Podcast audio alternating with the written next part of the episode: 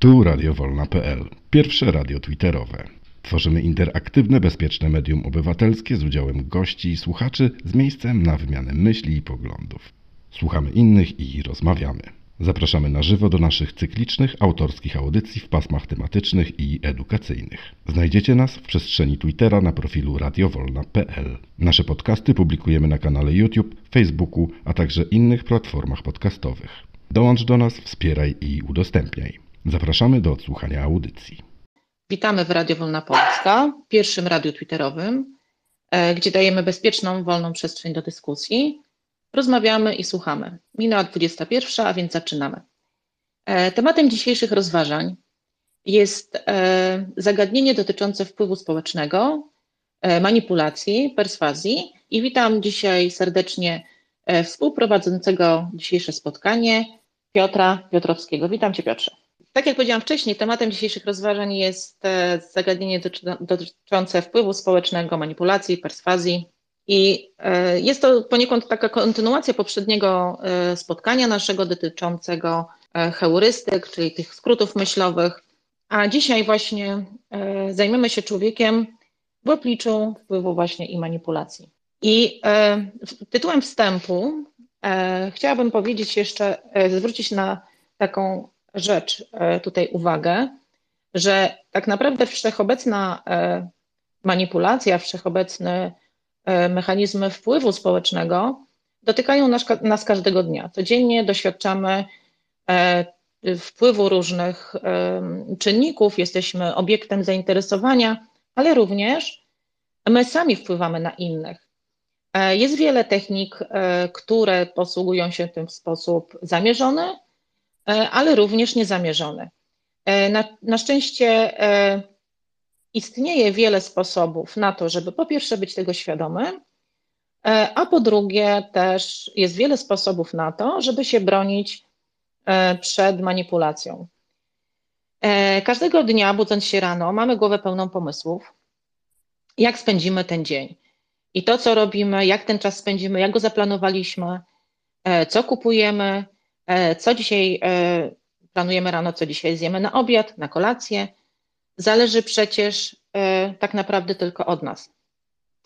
To my podejmujemy tą decyzję. Jesteśmy przeświadczeni, że to jest nasze życie i to są nasze decyzje.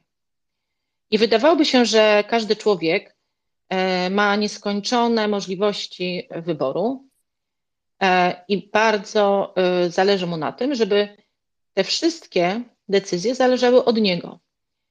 E, I o tym, jak się na przykład mm, ubierać, e, który kanał telewizyjny włączyć, e, decyzje dotyczące naszego życia zawodowego, którego pracodawcę wybieramy, ale również powiedzmy taki, taki aspekt, na kogo głosować w najbliższych wyborach. Przeświadczeni jesteśmy, że sami o tym decydujemy że kontrolujemy swoje życie, podejmujemy decyzje, dokonujemy wyborów. To daje nam e, takie poczucie sprawczości, poczucie bezpieczeństwa i bez wątpienia w znacznym stopniu tak jest. Nie chciałabym, żeby to zabrzmiało tak, że jesteśmy tutaj bezwiedni, bezwolni, e, ale e, pewne rzeczy nieświadomie na nas wpływają i podejmujemy, podejmujemy decyzje, pod wpływem innych czynników, czy tego chcemy, czy nie. E, żyjemy właśnie w świecie społecznym, jesteśmy bombardowani różnymi informacjami. E, jesteśmy w różnych, absolutnie różnych relacjach. E, relacjach bliskich, romantycznych, zawodowych, przyjacielskich, towarzyskich, sąsiedzkich. I w każdej tej relacji jesteśmy zarówno dawcą, jak i biorcą różnych wpływów. Ogólnie jest to wpływ społeczny. I teraz, czy tak rzeczywiście jest, czy ulegamy, czy nie ulegamy, czy jesteśmy pod wpływem różnych decyzji, e, mamy zamiar dzisiaj się temu przyjrzeć, przemyśleć i na przykład no, podyskutować. Dlatego wszystkich zapraszam e, tutaj do refleksji, do, do dyskusji, do rozważań, a również do zadawania pytań. Na przykład, czemu na śniadanie zjadłam dzisiaj płatki z mlekiem, zamiast kalorycznego cheeseburgera. A dlaczego na przykład y, kupiłam produkt reklamowany, a nie ten, który leży gdzieś na dole półki? Czemu dostosowałam się do e, sugestii mojego szefa, e, chociaż miałam zupełnie inne zdanie? E, dlaczego zrezygnowałam z odpoczynku wieczorem i jednak zdecydowałam się na wyjście z koleżanką do kina? To są wszystko zagadnienia wpływu społecznego i od tego nie da się uciec. Jest cały obszar nauk społecznych, który tym się zajmuje. E, I przejdziemy za chwilę tutaj do poszczególnych e, takich właśnie tych, które zostały na podstawie wielu badań na e, przestrzeni dekad, tych badań, eksperymentów dokonanych, zbadanych, które były wiele razy replikowane w różnych kulturach, w różnych grupach badawczych. I one zostały sprowadzone do kilku E, takich właśnie mm, nazwanych e, dla potrzeb oczywiście naukowych e, tych, te, te zjawiska, te nasze zachowania, ale to też jakby łatwiej jest przekazywać tą wiedzę, aby być bardziej świadomym, co się, co się z nami dzieje. Psychologowie społeczni badali zachowania na podstawie tych wielu eksperymentów, wielu E, różnych badań na przestrzeni dekad e, usystematyzowali te, te zachowania dotyczące właśnie e, uległości, posłuszeństwa i konformizmu. To są te trzy takie grupy, które psychologia społeczna wyróżnia jako kategorię wpływu społecznego. Natomiast chciałabym, żebyśmy dzisiaj oparli się o ten taki obszar, który E, na co dzień, z którym na co dzień my mamy do czynienia nie do końca świadomie, a świetnie ten obszar został opracowany e, przez jednego z psychologów społecznych, Roberta Cialdiniego. E, Robert Cialdini jest dla wielu osób, które pracują w marketingu, w reklamie, jest takim guru. Wykorzystując jego zasady wywierania wpływu, E, na ludzi, e, są mm, zwolennikami właśnie tej szkoły Cialdiniego, na którą e, należy spojrzeć z dwóch stron. Z jednej strony, jak te zasady wpływu możemy wykorzystywać, a z drugiej strony, jak powinniśmy się przed nimi chronić, żeby nie ulegać tym wpływom wbrew własnym przekonaniom czy wartościom. Ja tu powiedziałam wcześniej na temat różnych okoliczności, jak Ciebie Piotrze nie było, więc e, troszeczkę jesteś pewnie e, w takiej niekomfortowej sytuacji, ale jeżeli byś chciał tutaj e, tytułem wstępu coś od siebie dodać, to proszę Cię bardzo, witam Cię serdecznie, bo wcześniej w ogóle Ciebie nie było słychać.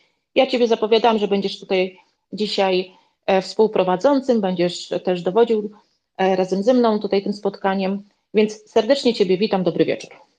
Dobry wieczór, dobry wieczór wszystkim, witam Was.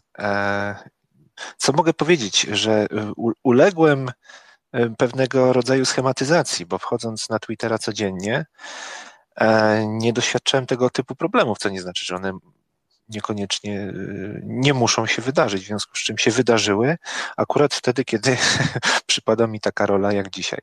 E, więc bycie pewnym, że wszystko będzie działać tak jak zawsze, e, niekoniecznie jest dobrą ścieżką. E, I to jest podobnie jak w przypadku tego, o czym Anna mówiła, czyli, e, czyli tego, jak ulegamy. Jest to związane ściśle, nie wiem czy o tym wspominałeś, czy nie, że to jest ściśle z, związane z tym, że wybieramy ścieżkę na skróty, mamy utarte ścieżki, którymi podążamy, którymi lubimy podążać.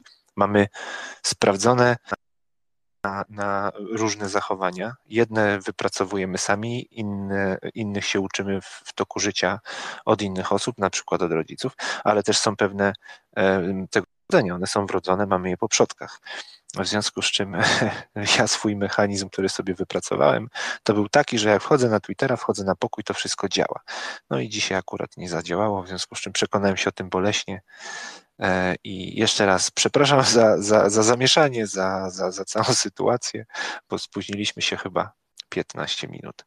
E, dobrze, co co, co, co dalej, Anno? Jak będziemy dalej tutaj, jak planujemy dalej jakby pociągnąć tą dyskusję? Bo jak wie, wielu z Was mnie zna i wie, ja nie jestem e, teoretykiem, ja nie jestem e, psychologiem, jestem bardziej e, praktykiem i, i, i ta praktyka mnie zawsze interesowała. I od tej strony praktycznej może, być może będę w stanie o kilku rzeczach powiedzieć w taki sposób, żeby,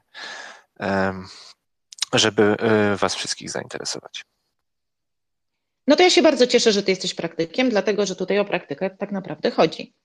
E, bo nie będziemy tutaj, e, tak jak powiedziałam wcześniej, e, robili wykładu akademickiego, natomiast gwoli takiego uporządkowania pewnych rzeczy, nazwania ich po imieniu, mówiąc tak wprost, czyli tego uporządkowania pewnego, takiej, takiego skomasowanej takiej wiedzy, która właśnie przekłada się na nasze codzienne obszary, jest bardzo E, tutaj pożądana, bo łatwiej później będzie się do pewnych kwestii odnieść. To znaczy, e, jak nie mieszają nam się jakieś pojęcia, e, to wtedy łatwiej sobie je zinterpretować, pochylić się nad nimi, a może i sięgnąć wtedy, jeżeli to się okaże bardzo interesujące, albo bo niewątpliwie jest to bardzo ważny obszar naszego życia, no to może ktoś sięgnie po książkę Cialdiniego i sobie wtedy przeanalizuje taki w zasadzie elementarz dotyczący manipulacji, wpływu społecznego, perswazji,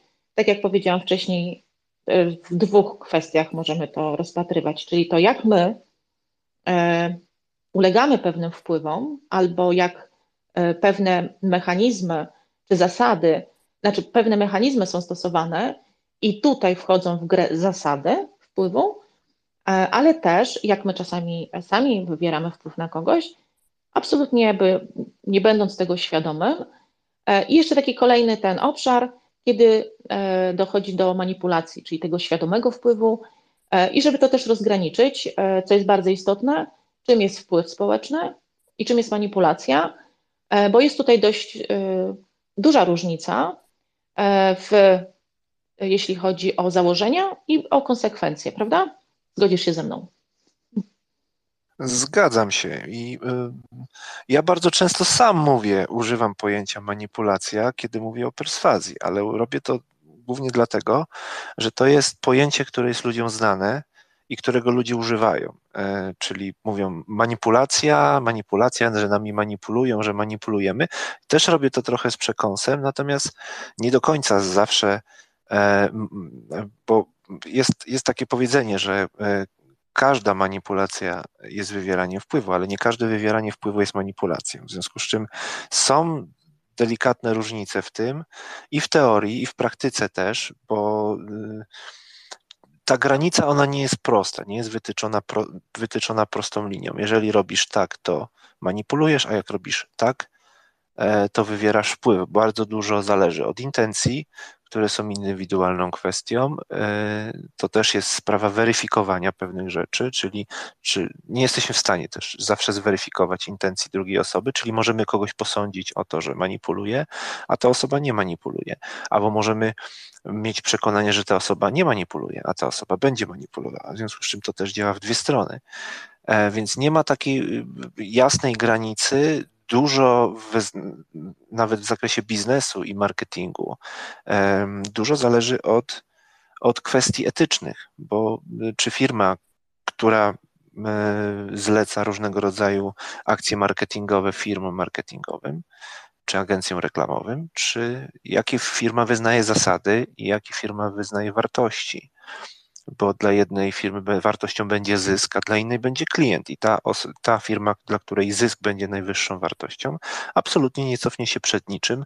Te zasady etyczne, te, te granice etyczne są w zupełnie innym miejscu wtedy. A natomiast firma, dla której ważny jest klient, ona będzie postępowała właśnie inaczej, będzie stawiała bardziej na to właśnie wywieranie wpływu, perswazję, przekonywanie, że to my jesteśmy tą firmą, która dostarczy ci lepszą usługę, lepszy produkt, czy, czy, czy zadba o ciebie, a niekoniecznie e, my chcemy ci coś wcisnąć na siłę. Właśnie to, to, są, to są te rozróżnienia, to jest oczywiście przykład, ale to są te rozróżnienia, które, e, które trzeba mieć zawsze, zawsze w głowie, kiedy myślimy o tym, że ktoś próbuje w jakiś sposób na nas wpłynąć, tak, że nie zawsze to jest manipulacja. Nie musimy od razu podnosić alarmu, o Jezus Maria, jestem wykorzystywany i, i ktoś chce wydusić ode mnie za wszelką, za wszelką cenę pieniądze. No tak nie jest, więc żeby nie zwariować, to bardzo dobrze, że mamy właśnie taką przestrzeń jak dzisiaj, żeby o tym porozmawiać. Mhm, tak. E, ja jeszcze tylko dodam, że mm, najpierw byśmy sobie tutaj porozmawiali na temat tego, e, w jaki sposób ludzie ulegają wpływowi społecznemu, bo to by się odnosiło właśnie do tych zasad. Dlaczego to robią? E, to za chwilę sobie powiemy. No i właśnie takie mm, według nauk psychologii społecznej to rozgraniczenie to jest, opiera się w zasadzie na, na takim już końcowym efekcie, bo y, wpływ y, społeczny polega na zmianie cudzych zachowań, przekonań i postaw.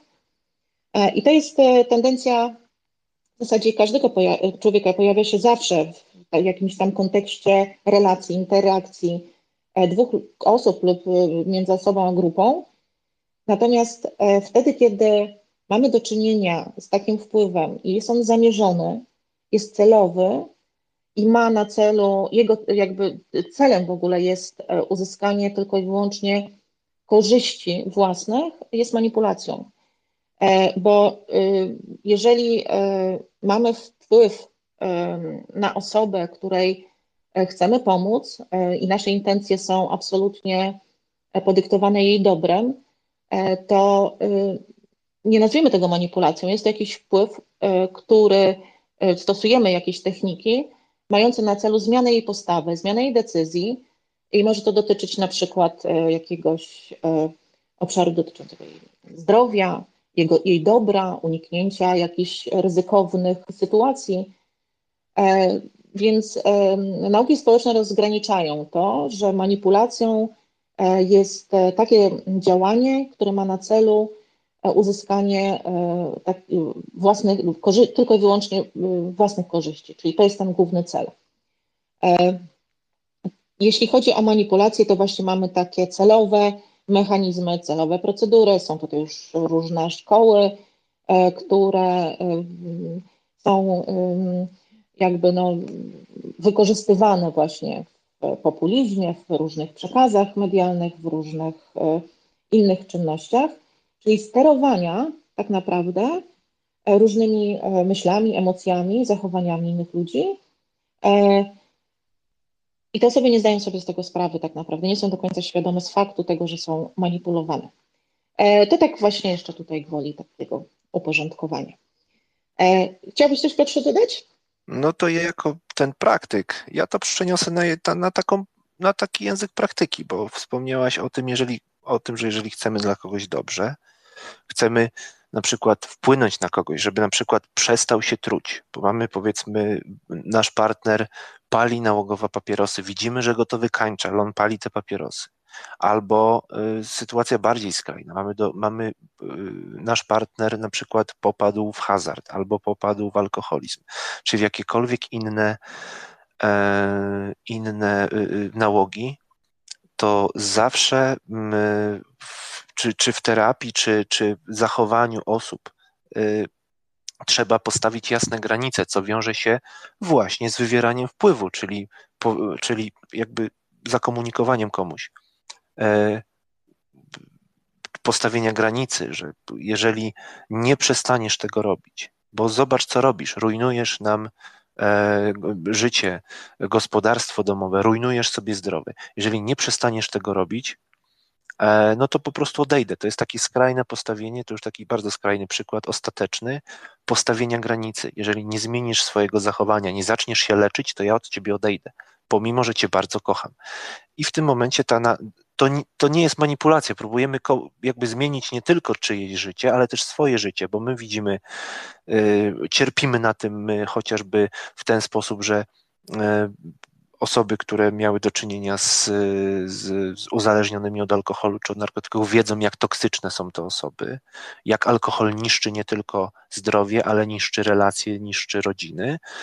W związku z czym w, takie wywieranie wpływu e, jest jak najbardziej pożądane i w terapii e, alkoholowej czy w terapii uzależnień też, też się z tego korzysta. Kolejna rzecz, e, czy wywieranie wpływu, czy manipulacja. Mamy oto, oto jesteśmy młodą osobą, mamy przed sobą piękną kobietę lub pięknego mężczyznę i chcemy jakby no, poznać bliżej tą osobę, czy, czy, czy, czy wejść do związku, też manipulujemy, można powiedzieć w cudzysłowie manipulujemy, czy wywieramy wpływ na tą osobę, żeby ją sobą zainteresować w jakiś sposób, żeby podejść ją, e, bo, bo też bardzo dużo ludzi z różnych względów e, nie wchodzi w relacje z przypadkowymi osa osobami. Ja na to, e, ja na to mówię tak dla siebie w swoim własnym żargonie, że stoi za podwójną gardą i trzeba właśnie wywierz, wywrzeć wpływ na tę osobę, żeby tą gardę opuściła, w związku z czym przychodzą nam właśnie z pomocą reguły Cialdiniego, e, które można wykorzystać chociażby do tego, żeby osobę, co do której mamy czyste intencje, w 100% chcemy dla niej dobrze, nie chcemy jej wykorzystać w żaden sposób, tylko chcemy ją lepiej poznać, tak? Podoba nam się jakaś, jakaś dziewczyna, jakiś chłopak, nie wiemy, co zrobić, żeby ten chłopak się na, nami zainteresował. Więc w, dla dobra właśnie y, y, uczuć wyższych, dla dobra związków, dla dobra miłości, to ja uważam, że my wręcz w cudzysłowie oczywiście mówiąc, powinniśmy manipulować, bo to jest jak najbardziej zasadne. Więc to są, to są takie granice. Jeżeli chcę kogoś poznać, mam czyste intencje, nie chcę tej osoby w żaden sposób skrzywdzić y, dla własnych celów, to nie jest to manipulacją. Natomiast jeżeli ja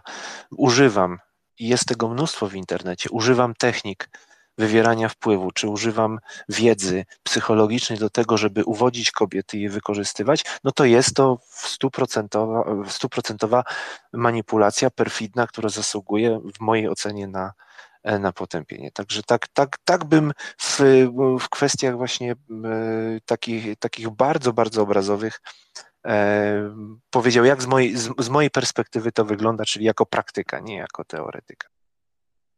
Okej, okay, dziękuję Ci bardzo. Czyli osoba, y, która wywiera wpływ, stosując manipulację, robi to wyłącznie w swoim interesie, nie licząc się z interesem e, tej drugiej osoby, e, na którą ten wpływ wywiera. E, I tutaj jesteśmy co do tego y, zgodni.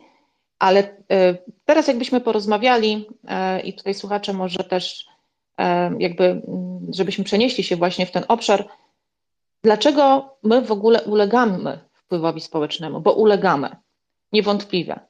Czyli są to takie trzy podstawowe zasady, o których wcześniej rozmawialiśmy, my, my rozmawialiśmy sobie przed programem, żeby to też podkreślić, że to jest taka ludzka cecha, absolutnie dotycząca nas wszystkich, E, że ulegamy wpływowi społecznemu, e, po pierwsze, aby osiągnąć e, taki cel jak dokonanie prawidłowego wyboru.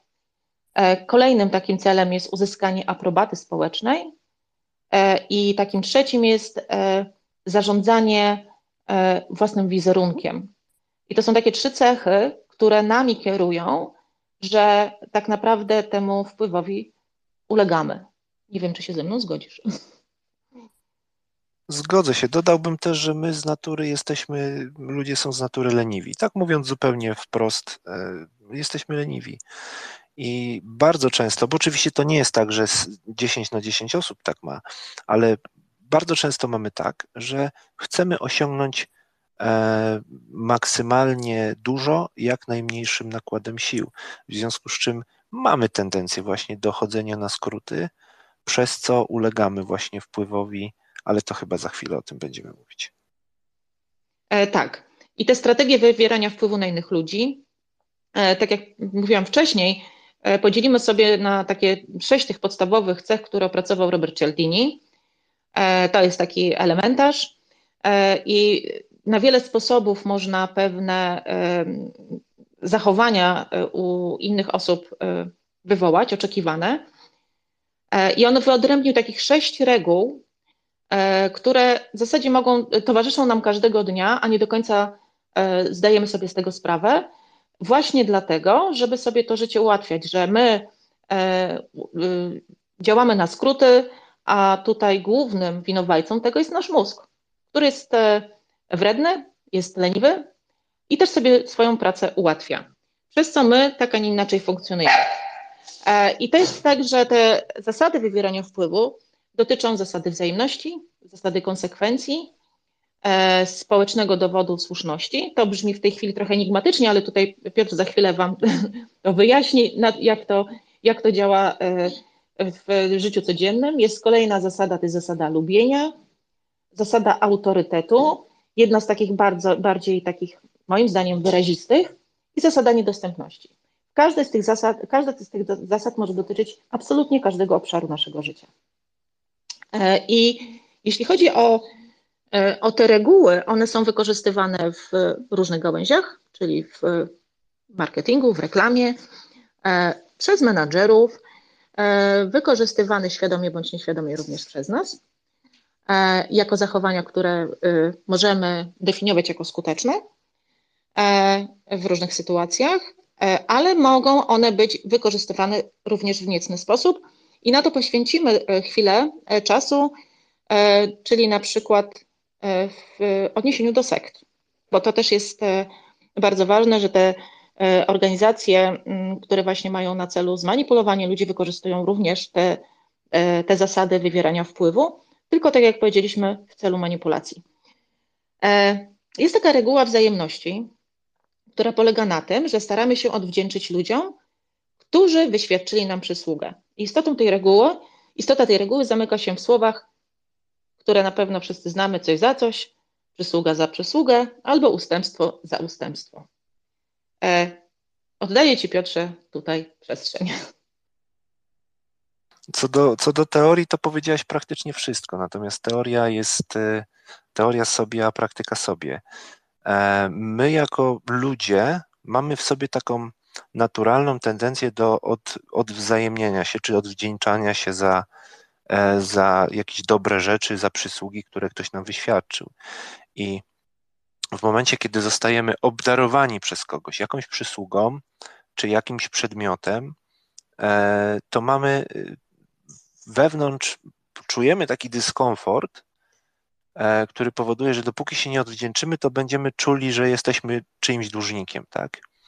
I w, jakby nie ma to, nie ma w tym nic złego do momentu, kiedy ktoś nie poczuje tutaj, y, nie zobaczy przestrzeni do tego, żeby wprowadzić nas w maliny, czyli e, do tego, żeby e, użyć tej metody, aby za swoją e, przysługę, czy za swoje, czy za, czy za, za coś, co nam ofiaruje, otrzymać niewspółmiernie wyższą E, rekompensatę z naszej strony. Tak? I, i, i Cialdini pisze e, w swojej książce, o, opisuje wiele przykładów e, takiego działania, gdzie e, on podaje właśnie, mówiąc o sektach, choć niekoniecznie trwają spory, moim zdaniem, co do, ja też mam wewnętrznie problem z tym, czy Hare Krishna to jest sekta. Natomiast Sekta Hare Krishna miała problem z finansowaniem w latach bodajże 70. E, I w książce Cialdini to opisuje w ten sposób, że oni wpadli na pomysł, że osoba ubrana w ten charakterystyczny e, strój będzie osobom na lotnisku wręczała e, kwiatek, a następna osoba będzie po prostu, która będzie stała trochę, trochę dalej, będzie prosiła o datek. I i, i, i nagle, jeśli chodzi o finanse Hary Kryszna, e, to, to, to one wystrzeliły, bo, bo okazało się to strzałem w dziesiątkę. E, ludzie dużo, dużo chętniej dawali, dawali pieniądze, dawali datki w momencie, kiedy najpierw otrzymali od, od przedstawicieli Hary Kryszna E, kwiatek. Czyli tu klasycznie Hare Krishna wykorzystywała tą regułę, choć niekoniecznie świadomie, bo mm, e, nie wiem, czy to było wspomniane. E, sama postać Cialdiniego to jest, tak jak Ania wspomniała, to jest, to jest dla wielu taki mentor, taka, taki guru. Natomiast on bardzo ciężką pracą dochodził do tej wiedzy. I ja tutaj muszę o tym wspomnieć, bo to jest e, szalenie ważne, choć, chociażby z perspektywy mojej osoby, czyli praktyka. Ja też zaczynam od praktyki e, i, i, i też uczyłem się pewnych rzeczy jakby instynktownie, i później dopiero zacząłem to sobie za pomocą już gotowej wiedzy książek zacząłem to sobie układać e, w głowie, żeby mieć to, um, mieć nad tym jakąś kontrolę, gdzie w danym momencie jestem. I, i, i Cialdini przez dekady badał, on wchodził nawet w rolę domokrążców różnego rodzaju, um, zatrudniał się w różnego rodzaju firmach po to, żeby y, y, być w tym, bo to, to jest klasyczny cykl kolba, tak? Czyli, e, czyli najpierw mamy doświadczenie, później mamy refleksję, czyli dokonujemy jakby podsumowania tego, co e, za, zaobserwowaliśmy, potem mamy, e, tworzymy teorię, czyli formujemy jakieś hipotezy i później staramy się je zbadać w, w toku czyli nakładamy tutaj e, jakieś standardy, tak, i, i spróbujemy to zmierzyć, jak, jak to działa, czy to faktycznie działa już w takich warunkach typowo e, laboratoryjnych. Więc przepraszam, że za długo, ale musiałem o tym wspomnieć, bo to jest, to jest jak taki must have, jeśli chodzi o, o kwestię wywierania wpływu. No tak, ale jeszcze jeśli powiemy o tej regule wzajemności, która tak została nazwana ona się odnosi e, do takich zachowań konsumenckich, bo któż z nas na przykład nie dostał do degustacji jakiegoś jogurtu czy sera, herbaty lub czekolady w hipermarkecie, e, żeby później ten towar kupić? Albo na przykład jakieś próbki kosmetyków, które przyszły pocztą e, z danego jakiegoś sklepu. No i oczywiście te próbki były gdzieś wykorzystywane przez nas, no, więc mamy teraz do wyboru, czy pójdziemy do tego sklepu, e, który nam przysłał próbki, czy do tego, który nam tych próbek nie przysłał. E, więc to e, myślę, że nieraz w zasadzie, no często w hipermarketach spotykamy się właśnie z regułą wzajemności, czyli jesteśmy zobowiązani taką przysługę, za przysługę coś dostaliśmy, no to teraz zostało wzbudzone w nas takie poczucie wzajemności, można powiedzieć, tak?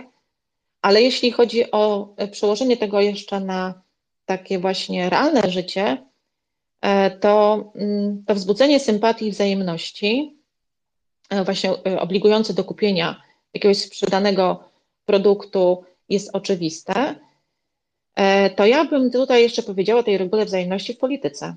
Ta reguła wzajemności to jest właśnie korupcja czyli dawanie na przykład jakichś prezentów, drogiego pióra, czy mm, nawet powiedzmy jakiegoś droższego jeszcze e, prezentu, e, który ma za zadanie wzbudzić taki dług właśnie wdzięczności, że może za chwilę e, kontrakt niekoniecznie korzystny, ale on zostanie podpisany z tą osobą, która jakby wzbudziła tak, w nas takie, takie poczucie wzajemności. I tutaj ten, ta technika E, może być e, w ten sposób właśnie wykorzystywana. Ona jest też wykorzystywana e, przez lobbying. Na przykład sprawdza się w medycynie, właśnie w farmacji, gdzie były, zapewne słyszeliście, różne darmowe szkolenia, wyjazdy, sympozja, bezpłatne próbki właśnie leków. Więc tutaj no, też nie trudno jakby odnieść się do tego, że, że ten lek, który przypisze lekarz, będzie właśnie ten z tego sympozjum, a nie inne tańsze? Czy, czy, czy, czy właśnie taki e, wywieranie takiego właśnie o takiej osoby, takiej osobie taki, takie wsparcie dla firmy poprzez właśnie taką regułę wzajemności. Zgodzisz się ze mną? Oczywiście, no, trudno, się, trudno się nie zgodzić. Akurat kiedy, kiedy rozmawiamy, ja mam przed sobą cały czas książkę Cialdiniego e, i, i po prostu ja często, często do niej wracam, bo ona jest genialna e, i przy okazji polecam każdemu, kto jeszcze nie czytał, nie miał styczności, to jest Robert Cialdini, Wywieranie wpływu na ludzi, teoria i praktyka. To jest bardzo też ładnie napisana, tak, że tak powiem, ładnie napisana książka, nie jest przeintelektualizowana. Jest tam bardzo dużo przykładów. Nie jest napisana takim językiem e, typowo podręcznikowym, e, tylko, tylko jest to pewnego rodzaju taki, e, można powiedzieć, może też nie poradnik, ale to jest taki, taki leksykon, gdzie Cialdini na, na przykładach bardzo obrazowo przeprowadza nas przez, przez świat tych sześciu reguł czy coś jeszcze chciałabyś dodać, Anna, do, tych, do, tej, do tej reguły wzajemności? Bo w zasadzie, no bo wspomniałaś o... Do sekty. Bo powiedziałeś, że sekta, tutaj jest taka wątpliwość rzeczywiście, że Aha. te sekty, czy właśnie takie no, inne organizacje, które właśnie mają za zadanie zebrać jakąś grupę ludzi i w, jakimś tam kierunku manipulować, no to jeśli chodzi o sekty, to ten mechanizm e, według e, badaczy jest bardzo silny tak naprawdę, bo on decyduje tak naprawdę o spełnieniu żądań sekty. E, czyli członkowie czują się mm, zobowiązani za otrzymane dobra, takie jak na przykład bombardowanie miłością, czyli poddają się wszystkim nakazom, na przykład właśnie kilkudniowej medytacji, ciężkiej pracy e, na rzecz sekty, e, w, ponieważ czują e, taką potrzebę odwzajemnienia tego, czym zostali zbombardowani. To jest jeden z takich mechanizmów, który w sektach jest wykorzystywany. No dobrze, czy słuchajcie, jeżeli ktoś ma jakieś właśnie tutaj refleksje, albo na przykład chciał odezwać się, powiedzieć, jak się czuł E, kiedy został poczęstowany e, na przykład w jakimś sklepie e, jakimś kawałkiem dobrego sera, albo kiedy mu wręczono próbkę na przykład perfum czy jakiegoś kremu. Co wtedy, jakie refleksje Wam przychodzą, albo jakbyście mogli odtworzyć, jak się, jak się czuliście, czy, czy było to dla Was jakimś też taką rzeczą naturalną? Ale widzę, że Mateusz tutaj się E, zgłasza, to zapraszam Cię Mateusz. Jeżeli chcesz się podzielić, to bardzo Cię proszę. E, dziękuję bardzo. Mi nikt niestety kremów nie daje. Może jestem już za stary, może za brzydki, ale jest to taka, jest takie coś, że po 20 latach pracy jakby w zawodzie, jakby to rzuca, rzucają się w oczy takie wszystkie wszelkiego rodzaju manipulacje, także myślę, że mm, e, można szybko przywołać na przykład taką sytuację, kiedy e, w Egipcie, jeżeli ktoś kiedyś był, to na pewno pod piramidami szybko został otoczony przez bandę handlarzy lokalnych, którzy wszystkim wręczali za darmo paciorki takie, takie na rękę. No i jakby wszyscy mm, u, u, jakby urzeczeni e, e, okolicznością przyrody i, i tym, że tam faktycznie są, na tym, patrzą na ten cud, cud świata, no jakby automatycznie od, odkupywali jakby e, po, po wielokrotnie zaważonej cenie, właśnie jakby zostając ukaranym tym, że czuli się zobowiązani. I tak naprawdę to uczucie zobowiązania, kiedy kiedykolwiek mamy, jest z tyłu głowy, mm, to właśnie to jest ten sam mechanizm tutaj opisany przez, e, przez prowadzących. Mm, kiedy czujemy się zobowiązani na przykład oddać komuś przysługę, albo na przykład odzajemnić się e, rewizytą Albo na przykład e, w niektórych korporacjach ci bardziej mm, sprytni menadżerowie na przykład dają ci wolne, któregoś dnia klepią po ramieniu, mówią super, wiesz, masz tutaj wolne ode mnie w ten piątek, ale czuje się zobowiązany, już tego nie powie, ale każdy czuje się zobowiązany, jak szef go poprosi, żeby jednak został e, któregoś dnia dłużej w pracy, to to jest dokładnie ten sam mechanizm. Mm, dziękuję. Super, dziękuję bardzo. E, Piotrze, czy ty chcesz coś jeszcze do tego dodać, czy idziemy do tych konsekwencji? kolejnej zasady. Po, po, tym, co Mateusz powiedział, to chyba nie, można powiedzieć, że pozamiatane. Mm, super. E, to idąc już tak tutaj schematycznie, mm, powiedzmy o regule zaangażowania i konsekwencji. E, I ten, e, ta reguła jest też bardzo często wykorzystywana z tego względu, że generalnie konsekwencja kojarzy się z takim e, bardzo pozytywnym, e, bardzo pozytywną cechą. E, świadczy ona o dorosłości oraz o byciu no, takim racjonalnym człowiekiem. Czyli pragniemy być konsekwentni i zachowywać się zgodnie z tym, w co się zaangażowaliśmy. I ta konsekwencja jest właśnie cechą taką no, nagradzaną społecznie, prawda? E, i stosujemy ją e, w różnych e, sytuacjach. I jak masz tutaj, Piotr, ochotę, to bardzo Cię zapraszam, żebyś coś powiedział na temat właśnie zaangażowania i konsekwencji, bo to jest mechanizm bardzo też, czy ta zasada jest bardzo skuteczna, a nie do końca mamy z tym tutaj, mamy tego świadomość. Znaczy, tutaj, jeśli chodzi o, o, jakąś pułapkę, no to to jest bardzo prosta rzecz i, i również bardzo łopatologicznie o tym powiem. My po prostu jako ludzie chcemy uchodzić na takich, za jakich się uważamy. I, i, i chcemy, żeby ludzie myśleli o nas, że, e, że robimy to, co mówimy. Czyli jesteśmy spójni. Każdy z nas po prostu chce być spójny. I kiedy um, dzieją się właśnie takie rzeczy, że wpadają do naszej głowy dwie informacje, które są ze sobą sprzeczne, czyli na zasadzie takiej, ja dbam o swoje zdrowie, a przez powiedzmy jakiś czas, czy od jakiegoś czasu e, jem chipsy i na przykład piję jakieś wysoko słodzone napoje i tak dalej, no to pojawia się w naszej głowie dysonans. I tu się zwrócę do Ani jako do psychologa e, o dopowiedzenie, czym jest ten dysonans. E, dysonans to jest taki nasz konflikt wewnętrzny, do którego dochodzi w wyniku e, podjęcia jakiegoś, jakiejś decyzji, e, która jest sprzeczna z naszymi przekonaniami.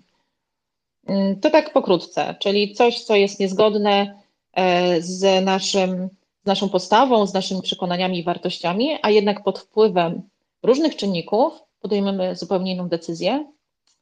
No i wtedy bardzo źle się z tym czujemy wewnętrznie, taki wewnętrzny konflikt. Mm, no i konsekwencją takiego e, dysonansu jest między innymi właśnie taka racjonalizacja, tak? Czyli racjonalizujemy to, e, jak postąpiliśmy albo jaką decyzję podjęliśmy, tak? Dokładnie. Jeżeli na przykład myślimy o sobie, że jesteśmy osobą oszczędną i która racjonalnie wydaje pieniądze, a pójdziemy i ulegniemy jakiejś zachciance, czy, czy ulegniemy jakiejś powiedzmy okazji i kupimy obrzydliwie drogie buty, czy obrzydliwie drogą odzież, którą będziemy nosić stosunkowo rzadko, to racjonalizacja będzie e, mm, polega na tym, że będziemy, żeby jakby rozładować ten dysonans, będziemy zmieniać postrzeganie tego, co, co zrobiliśmy, żeby nie wyjść na tych nieoszczędnych, w sensie, a jeden raz, albo, a przecież mnie stać na to, ciężko zasuwam, to dlaczego mam sobie nie kupić, E, albo e, te buty wcale takie drogie nie były, tak, e, i tak dalej, i tak dalej. I zaczynamy właśnie w ten sposób rozładowywać ten takie nieprzyjemne napięcie, że ja taki oszczędny, taki zaradny, taki racjonalnie wydający pieniądze, kurde, poszedłem buty, kupiłem za prawie tysiąc złotych. Nikt tak na, na dobrą sprawę, nikt z nas nie jest w stanie, bardzo mało ludzi jest w stanie wyjść otwarcie, stanąć przed lustrem, powiedzieć: Kurczę, po cholerę mi te buty, co ja zrobiłem? Tylko nie, nie, a nie, stać mnie przecież, co to, to tylko tysiąc złotych. Albo e, z przykład, który wcześniej podałem, jedzenia chipsów, a myślenie o sobie, o, jak o osobie, która zdrowo się odżywia, a raz na jakiś czas można, tak, bo ja, ja często też y, przyznaję się bez bicia, też często mówię, jak zjem coś niezdrowego, mówię, bo, bo, bo tablica Mendelejewa w organizmie musi się zgadzać, tak? Trzeba nie, nie tylko te dobre pierwiastki, ale te złe trzeba uzupełnić, bo się zaburza równowagę wszechświata, to oczywiście tak żartobliwie. Ale tak to się odbywa. I będąc, yy, chcąc być, być właśnie, właśnie konsekwentnym, Cialdini i ogólnie psychologowie, psychologowie społeczni doszli do takich wniosków, że my jesteśmy w stanie bardzo dużo zrobić, aby, aby czuć się jak, e, jak osoba właśnie konsekwentna, która czy chcemy być osobą, A, okay. która mhm. robi to, co mówi. I też jeszcze w odniesieniu do sekt, bo y, nie wiem, czy to wybrzmiało wcześniej. Sekty i wszelkiego rodzaju organizacje, które mają na celu perfidną i bezczelną manipulację, jakby E, e, nakłanianiem nas do, do tego, żebyśmy podejmowali decyzje dla siebie niekorzystne, czy materialnie, czy niematerialnie, czy w jakkolwiek inny sposób, one zazwyczaj nie stosują tylko jednej reguły wpływu społecznego, tylko stosują wszystkie. Krzyżowo, na wprost, na ukos, kwadratowo, podłużnie, jakkolwiek, po to, żeby osiągnąć swój cel, w ten sposób optymalizują. I tak jak wspomniana sekta E, wykorzystuje reguły wzajemności, właśnie w sposób taki, że te bombardowanie miłością, tak, trzeba odwzajemnić bezwzględnym posłuszeństwem, tak y, wykorzystuje również regułę za, zaangażowania. W ten sposób, że ktoś myśli o sobie jako o członku tej sekty, to chcesz być członkiem tej sekty, przecież mówili, że jesteś z nami, tak? Często to, co powiemy e, pod wpływem różnego rodzaju emocji, jest taka oczywiście też niepisana zasada, że nigdy nie obiecuj, kiedy jesteś jakby szczęśliwy, kiedy jesteś pod wpływem emocji. I to ma swoje uzasadnienie, bo my często jesteśmy w stanie obiecać ludziom i zadeklarować się do rzeczy, których potem, jak już jakby opadnie z nas e, ta, ta, ta cała magiczna, można powiedzieć magiczna e, otoczka tego szczęścia, okazuje się, że kurczę, co ja obiecałem, tak? Ale mimo wszystko zobowiązaliśmy się do czegoś i żeby być tą osobą, która jest konsekwentna, później, kiedy ta osoba przyjdzie po tą prośbę, to my ją spełnimy tak naprawdę, tak? Więc tutaj w sektach też tak jest, że osoby będąc pod wpływem jakichś emocji, obiecują rzeczy, wchodząc do sekty, mówią, tu jest wspaniale, ja was nigdy nie zostawię. I później y, manipulatorzy w sekcie wykorzystują brutalnie te słowa, te deklaracje przeciwko tej osobie, mówiąc, pamiętasz, co mówiłeś na początku, jak do nas przychodziłeś? Mówiłeś, że, że będziesz z nami zawsze, mówiłeś, że, że, że ci się tutaj bardzo podoba, mówiłeś, że, że tu jest tyle miłości, że ty, ty, ty tą miłość odwzajemnisz to odwzajemnij tą miłość, tak? Spłać dług, tak? Mówiąc tak dosadnie. Więc wracając właśnie do, do, do, do tej reguły wzajemności, ona działa w taki sposób, że im bardziej my się zobowiązujemy, tym, e, tym łatwiej osobom manipulującym nas zmanipulować, ale też w drugą stronę, to żeby nie, nie, nie było bez, e, bez, e, nie przeszło bez echa, my bardzo i, to instynktownie bardzo często uciekamy od zobowiązywania się. A w jaki sposób uciekamy? To podam, bo to są bardzo proste dwa przykłady. Jeden, pierwsze słowo. Spróbuję, a drugie słowo postaram się. Jeżeli ktoś chce nas nakłonić do, do deklaracji, do zobowiązania się w jakiejś sprawie, to są dwa słowa, które powodują, że możemy się obronić przed nią. Spróbuję albo postaram się. Są jeszcze inne, ale to są takie dwa klasyczne. My często, jeżeli na przykład mama chce wyegzekwować coś od, od swojego dziecka, żeby na przykład posprzątało pokój, no to dziecko mówi często postaram się i nie robi tego celowo, nie robi tego świadomie jako, e, tylko robi to jakby instynktownie, tak, broniąc się, bo nasz, nasze ego podświadomie broni się przed tym zobowiązaniem, żeby później po prostu no, zobowiązałeś się, że posprzątasz pokój, to, to go teraz posprzątaj. Łatwiej jest egzekwować tego typu e, deklaracje od dziecka, kiedy dziecko się zobowiąże. To to właśnie mm, taka podpowiedź przy okazji dla rodziców. Jeżeli e, chcecie, aby e, łatwiej egzekwować rzeczy od swoich pociech, niech wybrzmią dosadnie deklaracje odnośnie do tej reguły zaangażowania, że jeżeli mamy, bo to też dotyczy bardzo małych dzieci, e, że jeżeli idziemy z dzieckiem, powiedzmy czteroletnim na spacer i przed wyjściem umawiamy się, że dziecko będzie trzymać mnie za rękę, będzie szło od strony chodnika, nie od strony ulicy, i jeżeli będzie chciało gdzieś pójść, coś zobaczyć, to będzie pytać, będzie o tym mówić, to potem mamy się jakby do czegoś, do czego odnieść. Takie ustalenie zasad to jest niczym innym jak właśnie wykorzystaniem reguły wzajemności. Mam nadzieję, że nie za długo. Od strony praktycznej mówiąc. E, tak, e, super, dziękuję Ci bardzo. Ja jeszcze tylko do tych e, sekt tutaj chciałabym dodać, że to jest też właśnie ten bardzo silny mechanizm właśnie wzbudzania zaangażowania.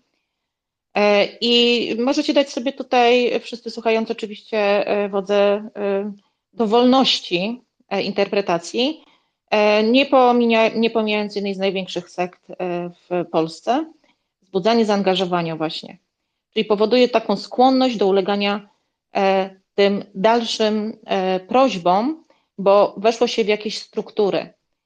Ale e, wtedy, kiedy właśnie to, co powiedziałeś, pojawia się dysonans, pojawia się później racjonalizacja i takie właśnie usprawiedliwianie podjętych decyzji. I to zaangażowanie właśnie jest skuteczne, gdy ma taki charakter aktywny. I dlatego ono się wzmaga, gdy na przykład członkowie e, różnych sekt są wysyłani do werbowania, czyli przekonują innych, przekonują, e, przekonując innych, przekonują również samych siebie, czyli bronią swych wierzeń, swoich przekonań. Czyli to jest ta właśnie reguła zaangażowania i konsekwencji. Konsekwentnie realizuję to, czego się podjąłem. Mateusz, zapraszam. Dziękuję bardzo. Ja jeszcze dorzucę kilka takich przykładów nieoczywistych, jeżeli chodzi o wykorzystanie reguły konsekwencji. E, taki, taki najbardziej oczytany to jest taki, że jeżeli podejmujemy decyzję na przykład e, o wyborze naszego kierownika budowy, który nam będzie kończył remont mieszkania i on na początku mówi, będzie pani zadowolona, wszystko pięknie i dokonujemy tego wyboru i potem pojawiają się jakieś komplikacje, czyli przychodzi kierownik, mówi, no tutaj mamy tydzień opóźnienia, ale jesteśmy konsekwentni, trzymamy się pierwszego wyboru, prawda? Potem on przychodzi, mówi, że słuchaj, w sumie to będzie kosztowało o 5 tysięcy drożej, no ale jesteśmy konsekwentni, idziemy dalej i tak dalej, i tak dalej, i tak dalej. I po podsumowaniu wszystkich tych cech, które się pojawiły w ciągu kolejnego czasu, okazuje się, że wybór wcale nie był dobry. Więc tutaj trzeba nauczyć się zatrzymać, spisać na kartkę plusy, minusy, jakby korzystając z tych danych, które mamy na dziś E, i podjąć decyzję jeszcze raz. A taki najbardziej, mm, taki, który spotykamy się na co dzień, a o którym nie wiemy, że jest to reguła konsekwencji. Mm, jesteśmy konsekwentni, jesteśmy, mm, jakby robimy dokładnie to, jacy jesteśmy, tak, tak, tak, tak to, można powiedzieć. Ale jeżeli na przykład wchodzimy sobie, taki jaskrawy przykład, kupić fotelik samochodowy dla dziecka, i wchodząc do sklepu mówimy dzień dobry, a sprzedawca woła z daleka, nie no widzę, że tutaj przychodzi niezwykle odpowiedzialny tata, on na pewno nie wybierze nic mm, taniego. Może nie taniego, może y, y, kiepskiej jakości. To my wchodząc do tego sklepu czujemy się już troszeczkę, o, ale mnie docenią, no faktycznie, no ja jestem tym odpowiedzialnym tatą, to ja kupię ten najlepszy fotelik. Ale jeszcze inny przykład. Wchodzimy do warsztatu samochodowego i mechanik mówi, nie no, widać od razu, że panu zależy na bezpieczeństwie rodziny, bo pan wozi przecież w tym kombi swoje dzieci. No to też jesteśmy konsekwencją tego, że mm, ktoś nas y, opisał lepiej niż faktycznie jest z nami, to niestety konsekwentnie wydamy więcej pieniędzy. I takich przykładów jest milion. Dobry, dobry mm, barman wchodząc do mm, baru i widząc klienta mówi, nie no, widać od razu, że nie zamówisz najtańszego drinka. E, co ci podać, tak?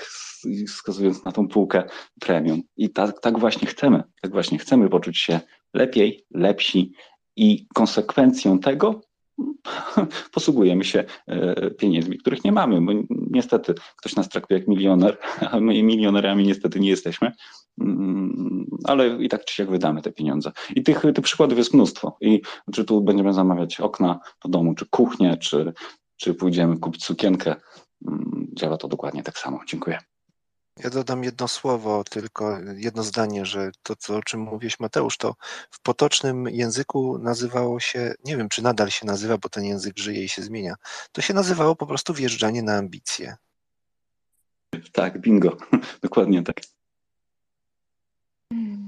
Tak, wjeżdżanie na ambicje to jest między innymi jeszcze, za chwilę Marcin dam Ci tutaj głos, e, tylko jeszcze odniosę się do takiego e, bardzo prostego przykładu i pewnie każdy z Was się z tym spotkał kiedy w promocyjnej cenie kupił e, jakąś na przykład część e, kolekcji, a następne egzemplarze są coraz droższe i one stanowią na przykład kilkokrotność ceny z pierwszego egzemplarza. No, ale jesteśmy konsekwentni.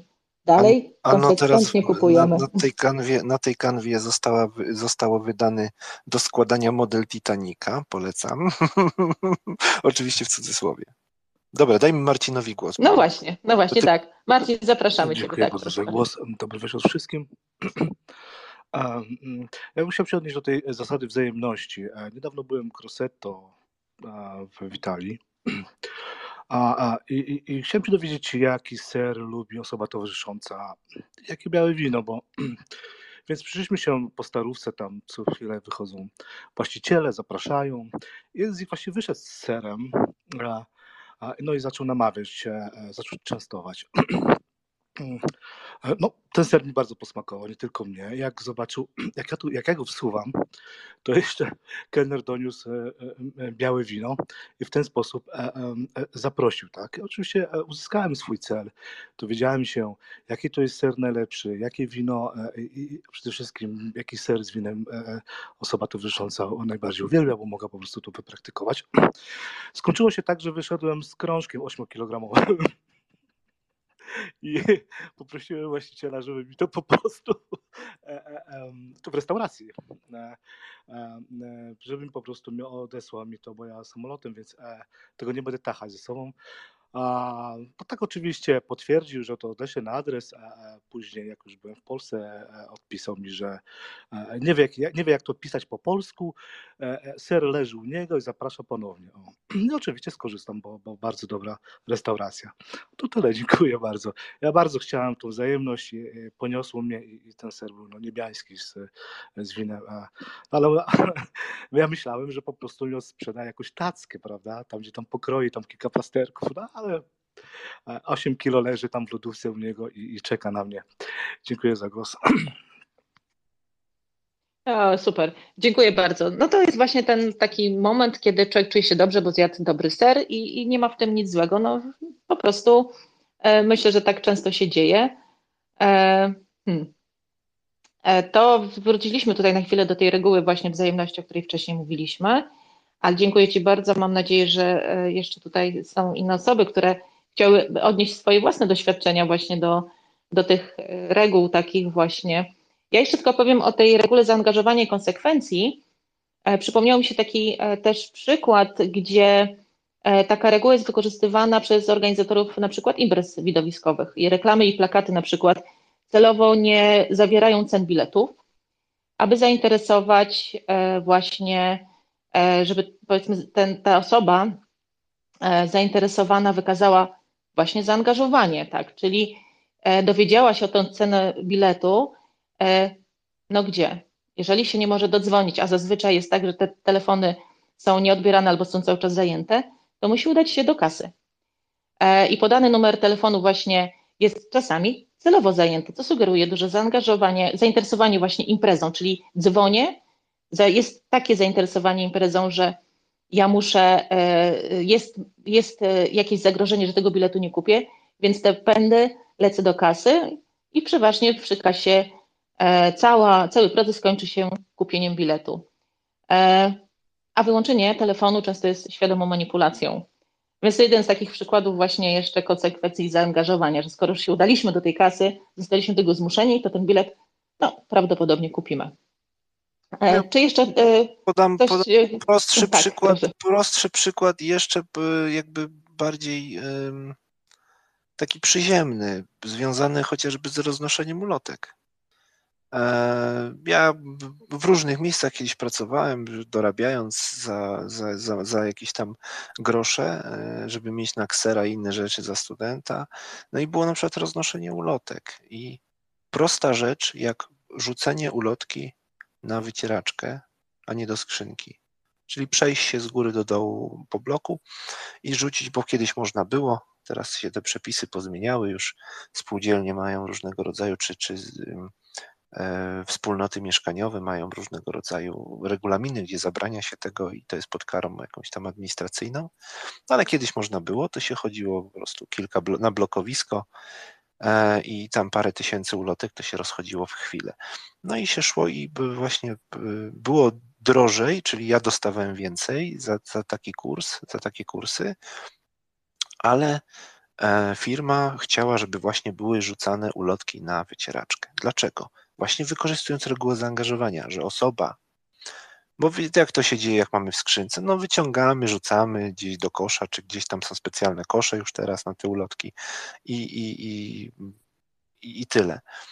E, bo to- jest traktowane jako śmieci, ale w momencie, kiedy ktoś ma już pod, pod drzwiami, to się musi schylić po tą ulotkę. Jak już się schyli, to właśnie inwestuje tą, to swoje zaangażowanie w to.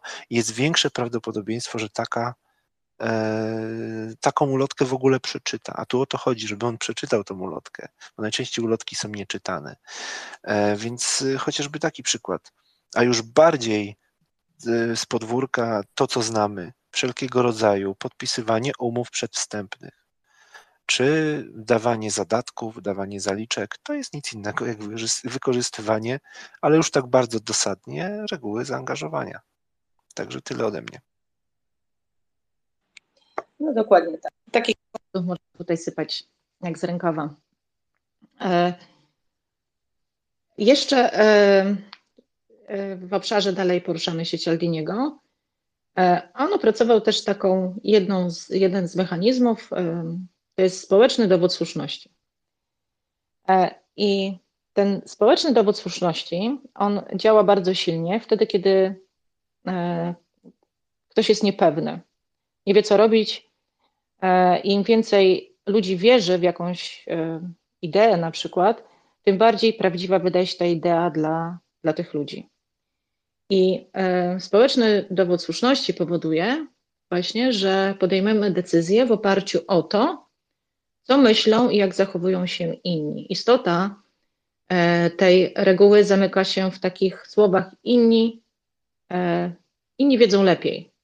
To jest taki właśnie jeden z, z takich klasycznych skrótów, takich właśnie e, pójścia właśnie na skróty, e, ale e, to jest bardzo dobrze wykorzystywane w reklamie. Typu na przykład, że tysiące klientów wybrało ten i ten produkt, albo na przykład slogan zaufały nam miliony Polaków. Więc ta kampania, taka na przykład oparta o społeczny dowód słuszności, jest e, właśnie bardzo powszechna w marketingu, w reklamie, ale również e, w kwestii wyborów, e, w kampaniach wyborczych w ogóle. Czyli ten brak pewności siebie, co zrobić, robię to, co inni. W odniesieniu do, do sekt, jeszcze tylko tutaj powiem, to jest właśnie też bardzo silny mechanizm, gdzie moja grupa E, jest e, dla mnie ważna.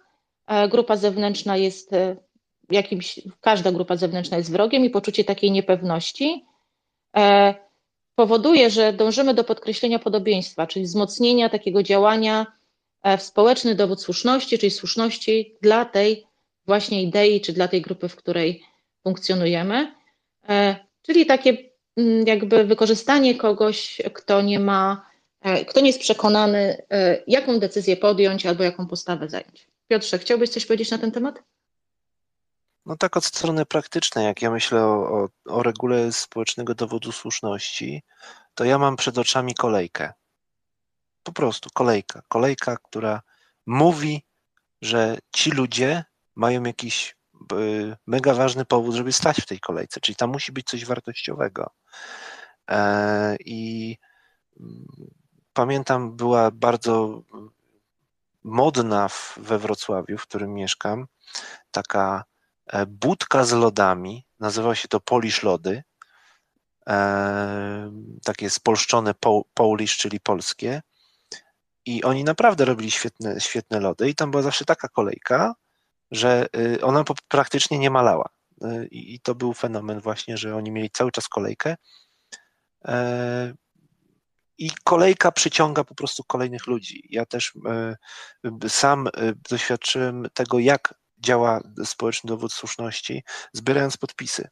W momencie, kiedy i wiedziałem o tym, że trzeba zainteresować, um, zainteresować tematem jakiejś osoby, żeby ktoś przyszedł zrobić tłum, żeby zainteresować innych, a inni z ciekawości, a o co tutaj chodzi, tak?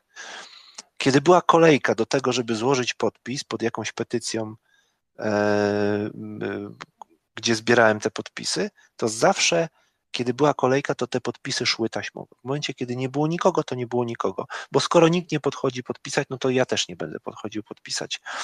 W restauracji, w której nikt e, nie siedzi, E, a jestem głodny, chciałbym coś zjeść i szukam miejsca, gdzie mogę coś zjeść, no to jak nie, nie, widzę nikogo, to bardzo rzadko wchodzę do takiej restauracji. Bardzo często, kiedy wchodzę jako pierwszy, bo nic wokół nie ma, to nagle za mną pojawiają się inni goście. I, i, i czasami się śmieję z tego, że ja to tak jakby powiedzmy rozkręcam imprezę y, y, w, w jakiejś restauracji, wchodząc i, i zajmując stolik, bo ktoś widzi, a ktoś jednak jest, ktoś zaryzykował, a to ja też pójdę, tak. Więc tak to działa. Kiedy ja, ja myślę o społecznym dowodzie słuszności, to mam przed oczami kolejkę.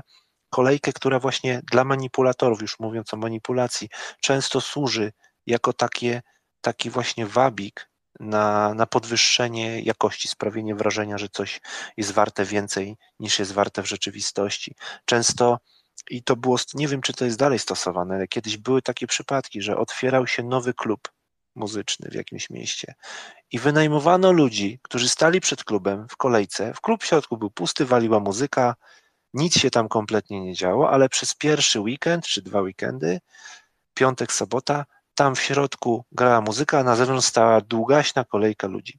Po co? Żeby sprawić wrażenie, że ten klub jest oblegany przez tych ludzi. I potem, jak faktycznie otworzyli, że ludzie mogli wchodzić, to te kolejki dalej były, ale to już nie były kolejki z ludzi, e, którzy byli wynajęci. Także mi, no, to pokazuje, jaka jest moc e, właśnie społecznego dowodu słuszności. E, tak, dziękuję Ci bardzo. Bardzo silny mechanizm, absolutnie jest też nieświadomy, jeśli chodzi o, o ten, ten aspekt, jakiemu często ulegamy. Mateusz, proszę bardzo.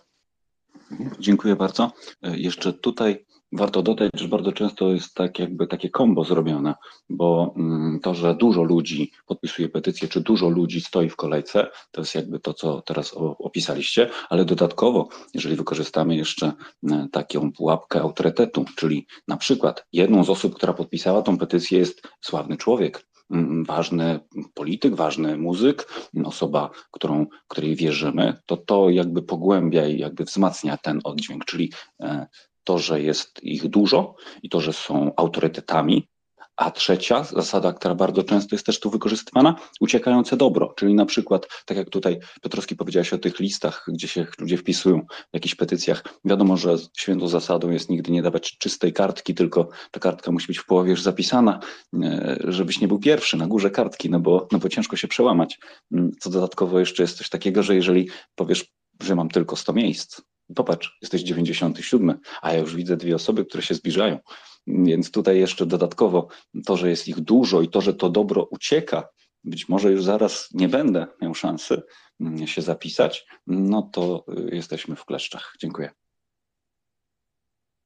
Dziękuję bardzo. To jest właśnie to, co powiedział też właśnie Piotrze, ty powiedziałeś przed chwilą, tak, że czasami są to takie kampanie e, szeroko opracowane, które naraz wykorzystują wiele tych e, zasad e, i one ze sobą są absolutnie kompatybilne, czyli można je wszystkie naraz wykorzystywać. Ważne, żeby uzyskać e, pożądany efekt. E, widzę, że jest Janusz. Zapraszam Cię, Januszu. Cześć, dzięki. Te przykłady, które przytoczyliście, one dotyczą świata analogowego, natomiast ten społeczny dowód uznania mm, w latach dziesiątych zaczął być też e, i występuje już jako tak zwane social media proof albo e, online e, social media proof, czyli wszelkiego rodzaju społecznościowe dowody uznania. One stały się też przenoszalne, bo pewnie widzieliście takie posty w jakimś kanale społecznościowym naszych znajomych. Dobry stolarz do kuchni, ktoś coś, albo sprawdzony hydraulik, ktoś coś. Więc my, my szukamy takiego dowodu uznania, że ktoś już za nas i przed nami z czegoś skorzystał. I to był taki gen założycielski wszystkich online'owych biznesów opartych o systemy rekomendacji typu TripAdvisor, Booking, w których naprawdę my w pierwszej kolejności oczywiście patrzymy na bazowe parametry oferty, cena, termin, lokalizacja, ale potem od razu szukamy tego social online proof albo social media proof, czytamy opinie, na przykład na Bookingu e, i mechanizmy algorytmowe tak przestawiają, żebyśmy bardzo szybko dotarli właśnie do tego e, społecznego dowodu uznania. Jutro wieczorem, jak będziemy sobie z winem szukali filmu na Netflixie, to Netflix e, podsteruje i poda nam na czwartym ekranie top 10 filmów, które w tej chwili są w Polsce oglądane. Nawet nie wiadomo, czy to jest prawda. Natomiast to jest jakiś o, o kolejna tak zwana telewizyjna wersja e, te, tego dowodu uznania, że skoro na trzecim miejscu jest w tej chwili e, jakiś film, no to znaczy, że ktoś zaufał temu i już przed nami podjął decyzję. I tutaj uruchamiają się takie właśnie digitalowe, online'owe instynkty stadne, że my bardzo często e, idziemy, bo wcześniej ktoś przed nami był, więc zmniejsza się ryzyko, że my podejmiemy złą de decyzję. No i e, na samym końcu mamy też coś, co w tej chwili jest tak zwanym elementem wiarygodności. E, tylko z powodu tak zwanego social media proof niektóre firmy są na Facebooku, mimo że prowadzą działalność zupełnie nie nadającą się do tego medium. Ale jest taka ideologia, że skoro ich nie ma na Instagramie albo nie ma ich na Facebooku, no to chyba nie jest poważna firma, bo w tych czasach każdy tam powinien być. Każda firma tam powinna być. W latach 90. mówiliśmy, no nie mają wizytówki, to pewnie firma Kogucik. No to, to, tak mniej więcej to występuje w tej chwili w tej wersji online proof albo social media proof. Dzięki. Super, bardzo dziękuję za te przykłady. Tak, no to jest też jakaś forma e, konformizmu, chociaż e, jest oparta w zasadzie na konformizmie. E, I rzeczywiście ten przykład Netflixa, gdzie jest top 10, jest też doskonałym przykładem właśnie społecznego dowodu uznania. Widzę, że jest Robert. Dobry wieczór, Robercie. Prosisz o głos, zapraszam Ciebie. Dobry wieczór. Zacznę może tak. A mój dziadek, kiedy chodziliśmy na Bażar Różyckiego, E, nazywał tą operację tak zwane łowienie jeleni. I tak wszyscy na Pradze mówili. Czyli miał tam e, parę, e, parę rzeczy do sprzedania i wciskał to na zasadzie, że łapał ludzi i tutaj znowu coś niepopularnego powiem, z prowincji. Ludzi niewykształconych, ludzi średnio ogarniętych, ludzi którzy przyjechali i pierwszy raz byli w stolicy, było wow. Um, Porno śpiewa taką piosenkę Nigdy nie pokocham dziewczyny, która słucha disco polo. Um, I to jest wszystko i wyłącznie y, te, to, o czym wy mówicie i te techniki, oczywiście one mają dzisiaj wpływ na to, na to jak, jak się kreuje życie, ale to jest tylko i wyłącznie kwestia inteligencji.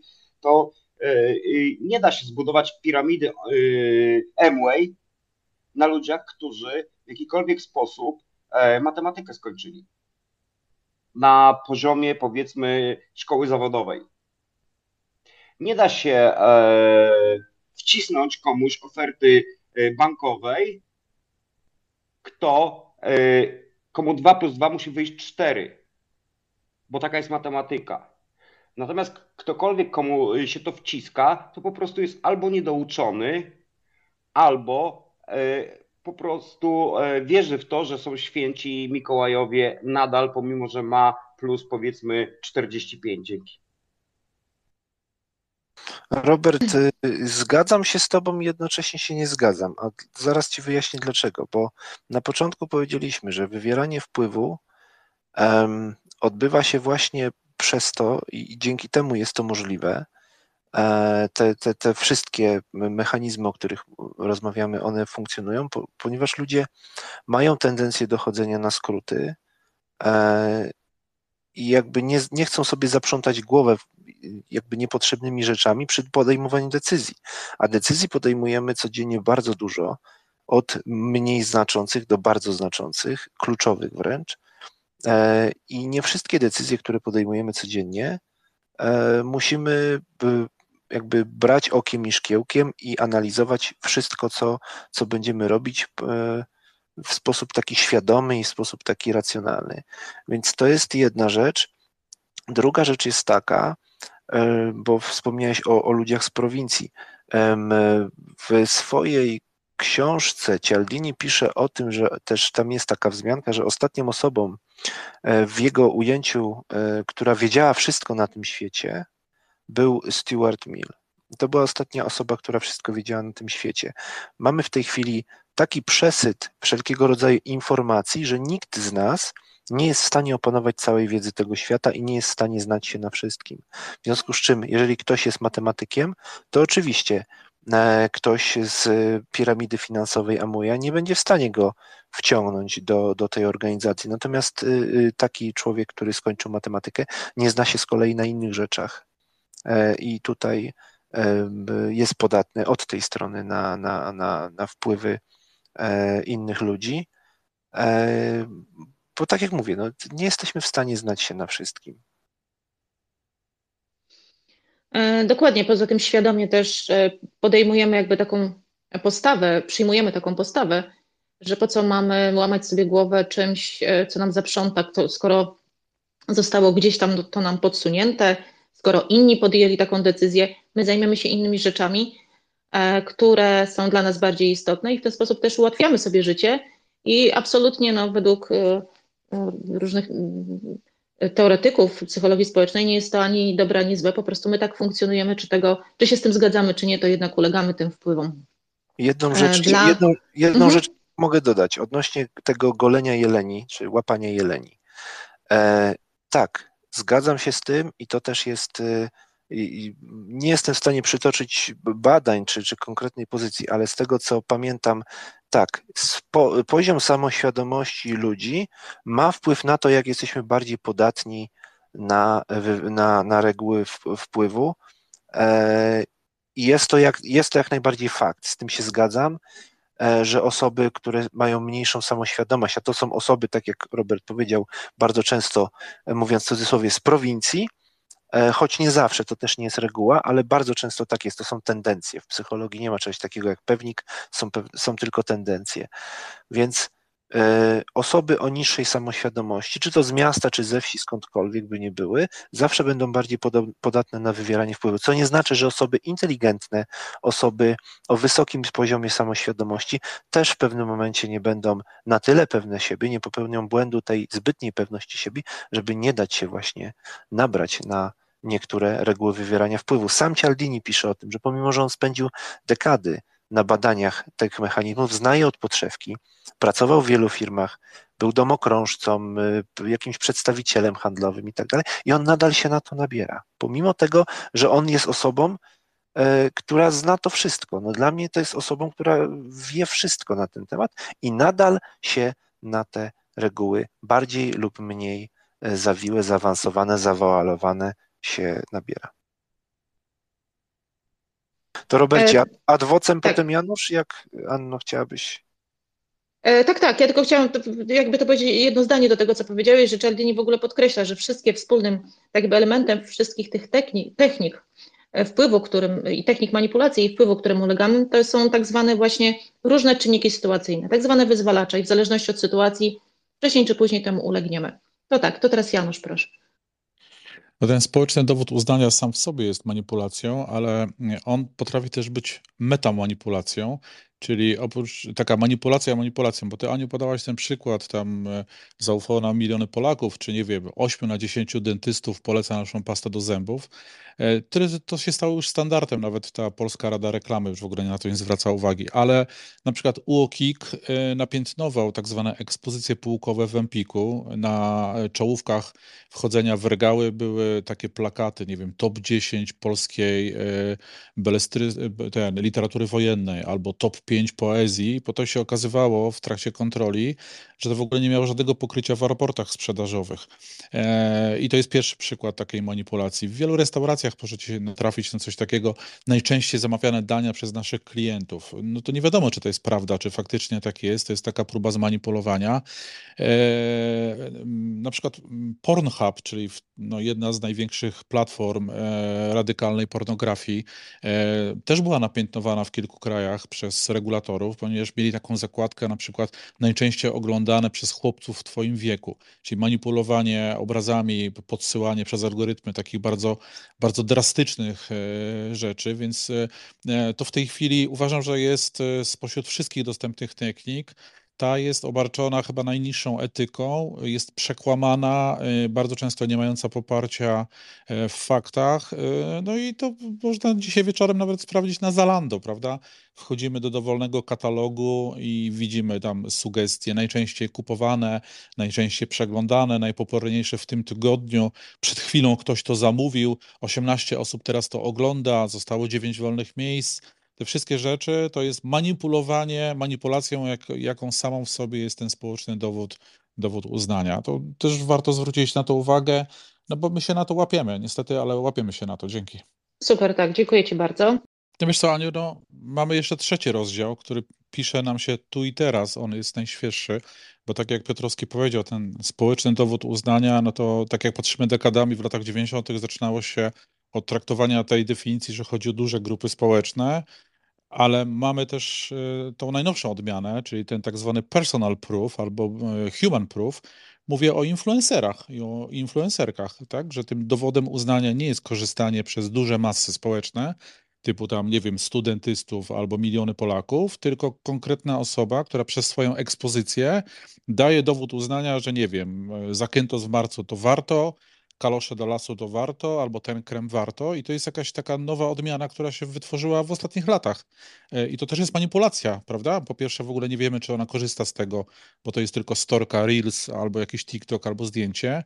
E, po drugie, nie wiemy, czy to jest dobry produkt, to tylko wiemy, że o, nie wiem, ona właśnie wrzuciła do piekarnika Boscha jakąś lasagne, natomiast no jednak dużo ludzi się na to łapie i te takie mechanizmy społeczne się uruchamiają, że ludzie widząc rzecz, z której korzysta z, y, osoba znana z tego, że jest znana, kupują to, nie? Więc to, to, to jest, ten rozdział jest najtrudniejszy, bo jest nowy i nie wiadomo, w którą stronę jeszcze to pójdzie, a już no, socjologowie internetu, czyli rzecz, którą też ja się zajmuję zawodowo, mówią, że czeka nas jeszcze bardziej skomplikowana rzecz, tak zwane e, pet, pet proof, czyli na przykład e, zwierzęce dowody uznania, że jak e, psiaki będą jadły daną karmę, a ty, Piotrowski i ja mamy psa, to uznamy, że skoro tamten pies znanej osoby to je, no to nasz też musi oczywiście kupić trzeba mu kupić w dominikańskiej to jedzonko, no bo teraz y, mamy na to dowód uznania. To, to tylko zwracam uwagę, że tutaj się właśnie tworzy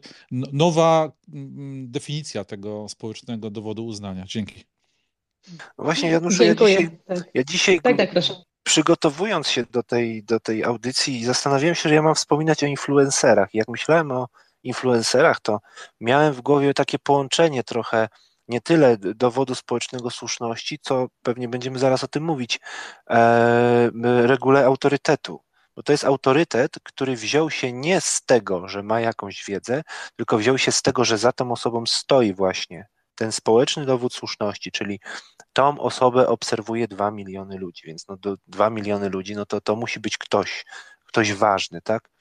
E, no, ale I... wiesz co, Piotrowski, ale tylko których influencerów, bo influencerów milenialsów to możemy gadać, natomiast e, chodźmy teraz wszyscy na TikToka i mamy zwykłą dziewczynę, która ma zromantyzowane swoje życie i ma trend, pokażę wam zwykły dzień z mojego życia. Ona nie jest żadną influencerką, a w komentarzach jest czy idolka powie, jaki ma podkład, albo czy idolka powie, skąd ma tą tunikę.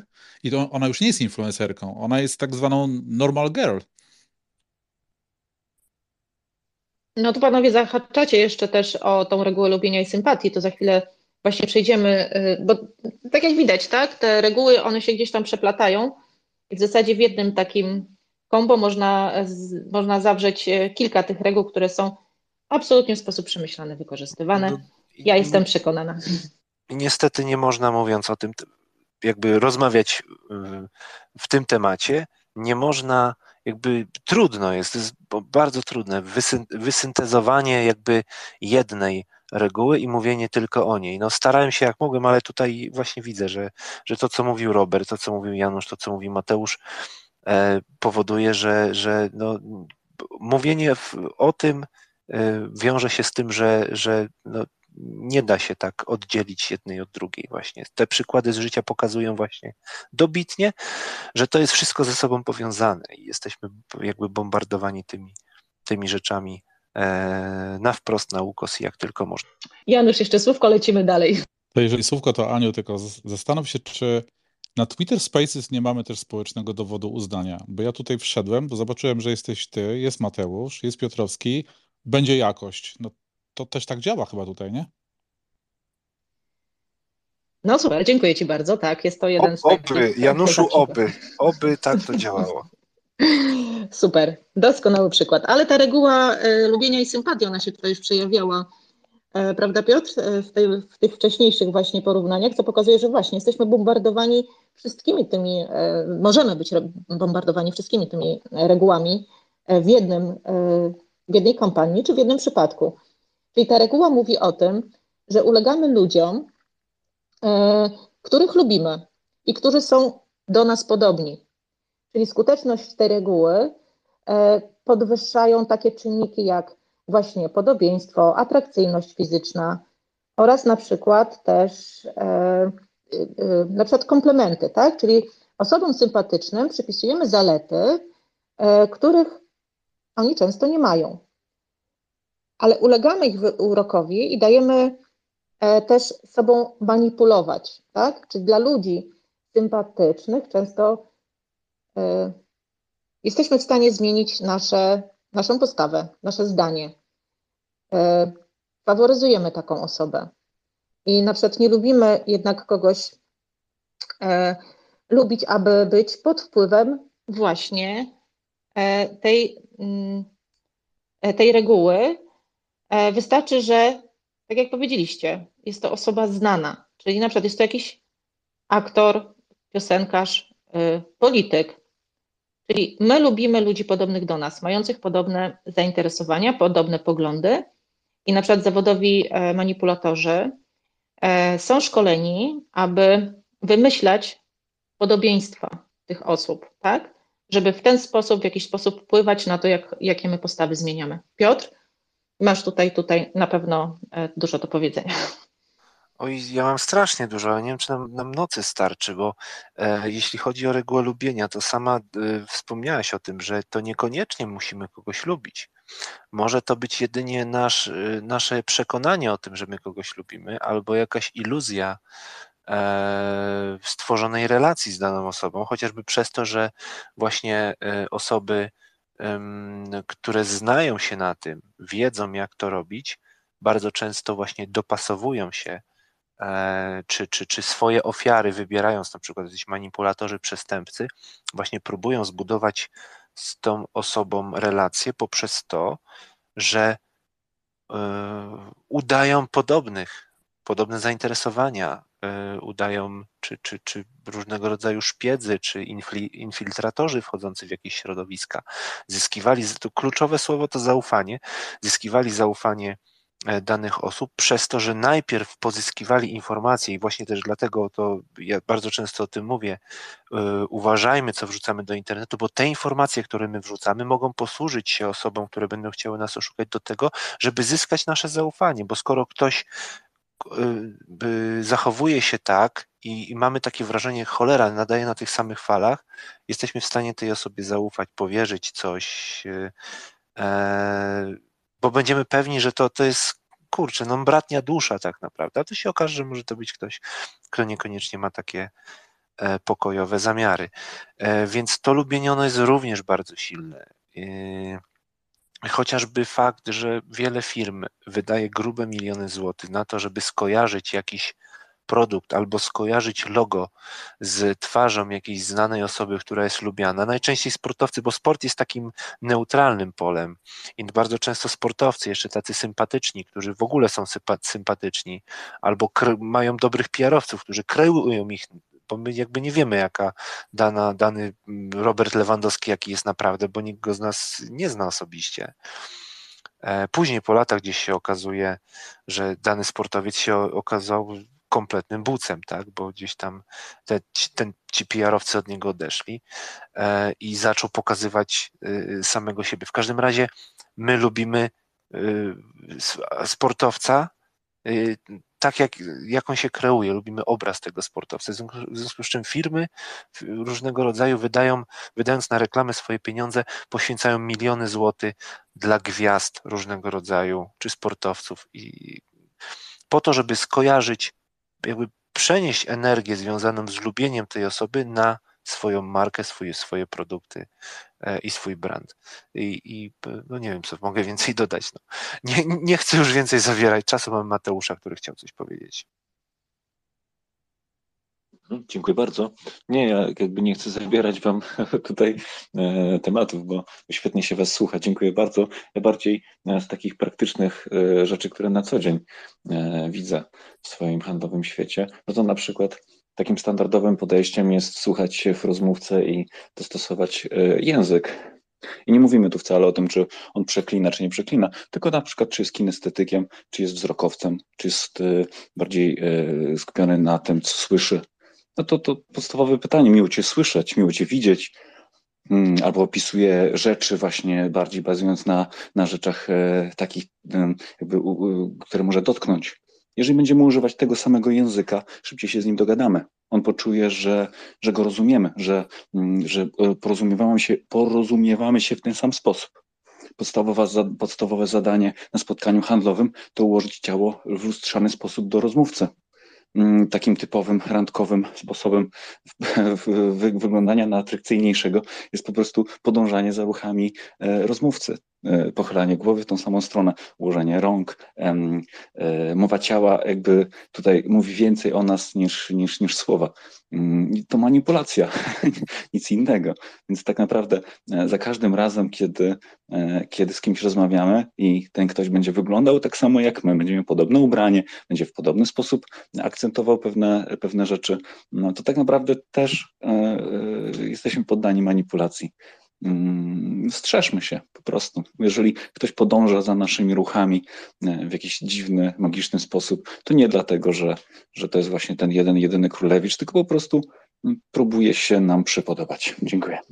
Mateusz, no ale to wtedy randka jest, wiesz, mało taka e, romant, nie wiem, no, Wiem, spontaniczny Obdarłem, tak, obdarłem teraz z romantyzmu, ale, ale tak, to niestety działa w ten sposób, że na początku podążasz za ruchami tej drugiej osoby, a potem robisz ruch jakby inicjując jakąś zmianę ułożenia ciała, czy przechylasz głowę w drugą stronę. Jeżeli ta druga osoba to samo zrobi, to znaczy, że już jest w twojej władzy i możesz z nią zrobić wszystko. No to, tak, tak, tak, tak. W, w książkach z lat 90. właśnie było napisane, jeżeli chodzi o podstawy randkowania. Odsyłam do lektur. Dziękuję. Tak, tak zwany efekt kameleona. Dwie ważne kwestie, czyli pierwsza to bardzo skrótowo mówiąc, człowiek pod krawatem mniej awanturujący się, taka, taka zasada, też odnosząca się do, do pewnego rodzaju wizerunku, czyli osoby, które ubrane są ładnie, ubrane są w garnitur najczęściej, to są osoby, które są postrzegane jako osoby takie. E, no jakby godne zaufania, można powiedzieć. Jest, jest to pewnego rodzaju atrybut, ale też związany z regułą autorytetu, o której będziemy mówić. E, to jest jedna rzecz. Druga rzecz, zasada lubienia, e, która wiąże się z tym, że na billboardach bardzo często one, te billboardy ociekają seksem, ociekają dwuznacznością, bo seks jednak, szczególnie męskie oko, co Robert tutaj potwierdził swoim przykładem, bardzo mocno przyciąga.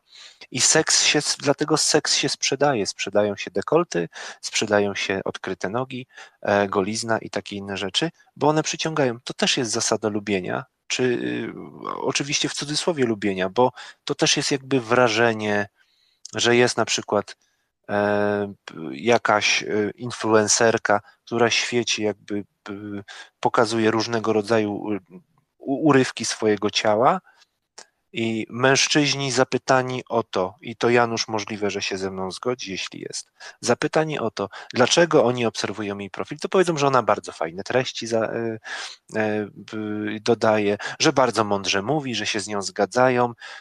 Wszystko w toku tej racjonalizacji, o której mówiliśmy, bo nikt się nie przyzna, że jest tam, e, żaden się nie przyzna, że jest tam po prostu dlatego, że, że mu się ta dziewczyna zwyczajnie podoba. No, no, no Nikt się do tego nie przyzna.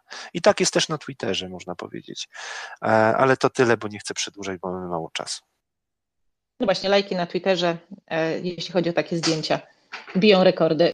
Przechodzimy już teraz do reguły autorytetu e, i tym atrybutem takiego autorytetu jest, może być na przykład właśnie garnitur, ale również no, ten, garnitur, ten garnitur jest taką, można powiedzieć, symbolem, ale symbolem może być również tytuł, może być stanowisko. Właśnie mogą być też samochody, czyli jakieś różne inne e, czynniki, które w jakiś sposób e, są, e, budują ten, ten, taką gotowość do uległości. I to jest ta reguła autorytetu, opiera się na tym, że jesteśmy posłuszni im. Czyli wykazujemy taką tendencję wypełniania sugestii autorytetów lub tych, którzy wcale nimi nie muszą być, ale się na nich kreują.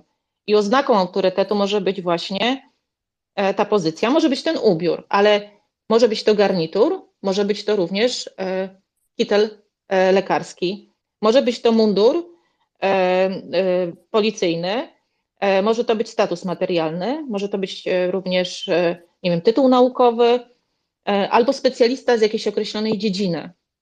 Istotą tego, tej reguły jest to, że na przykład słuchając manipulacji, słuchając na przykład mądrego człowieka, niezrozumiałego wywodu, manipulatora, zakładając, że jest on autorytetem w danej dziedzinie, przyznajemy mu rację, tak? Czyli autorytet to jest również nie w odniesieniu do obszaru takiego poznawczego czy mentalnego, czy w ogóle jakiejś określonej wiedzy, ale właśnie może być to wygląd zewnętrzny.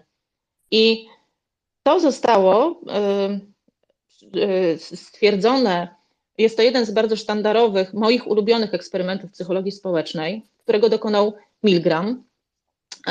Ten eksperyment był dokonany w 60 roku, jeszcze w kontekście wtedy, kiedy psychologowie społeczni zaczęli badać przyczyny Holokaustu, przyczyny zbrodni wojennych. W latach 60. Włącznie, wespół z historykami badali, co takiego skłoniło ludzi do właśnie takiego posłuszeństwa wobec autorytetu. W, latach 60, w roku 62 bodajże Milgram dokonał rewolucyjnego eksperymentu, który jest w zasadzie replikowany do dnia dzisiejszego. Był przeprowadzany w różnych kulturach, w różnych częściach świata. Ciekawostką jest to, że miał zamiar zrobić to na społeczeństwie niemieckim w latach 60., ale zrobił takie intro najpierw wśród studentów uczelni amerykańskiej i okazało się, że w 67% te osoby uległy autorytetowi, czyli cały ten proces tego, tego eksperymentu, którego już dzisiaj nie będę opisywała, ale na pewno do, nich, do tego jeszcze kiedyś wrócimy, bo to jest bardzo istotne. On pokazał, że wystarczy fartuch lekarski po to, żeby ludzie podkręcali maksymalnie siłę prądu rażącą drugiego człowieka. I co jest ciekawe, że ten eksperyment w 67% potwierdził właśnie posłuszność wobec autorytetu wśród nie społeczeństwa, w którym dokonano zbrodni hitlerowskich, tylko byli to studenci uczelni amerykańskiej. I oczywiście to dopiero zrewolucjonizowało, jakby świadomość i, i wiedza z tego eksperymentu spowodowała lawinę różnych właśnie badań w tym kierunku, jak my, jako ludzie, ulegamy tym autorytetom mechanicznie, automatycznie, bezwiednie, bez świadomości.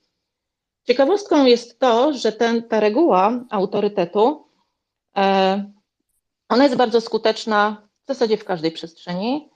E, jest e, profesor Doliński, profesor SWPS-u, razem z doktorem Grzybem, jeżeli interesujecie się tym obszarem, co już też w wielu tutaj moich rozmowach polecałam, książkę właśnie Posłuszni do bólu, która została wydana chyba 7 czy 8 lat temu, w 2010 roku.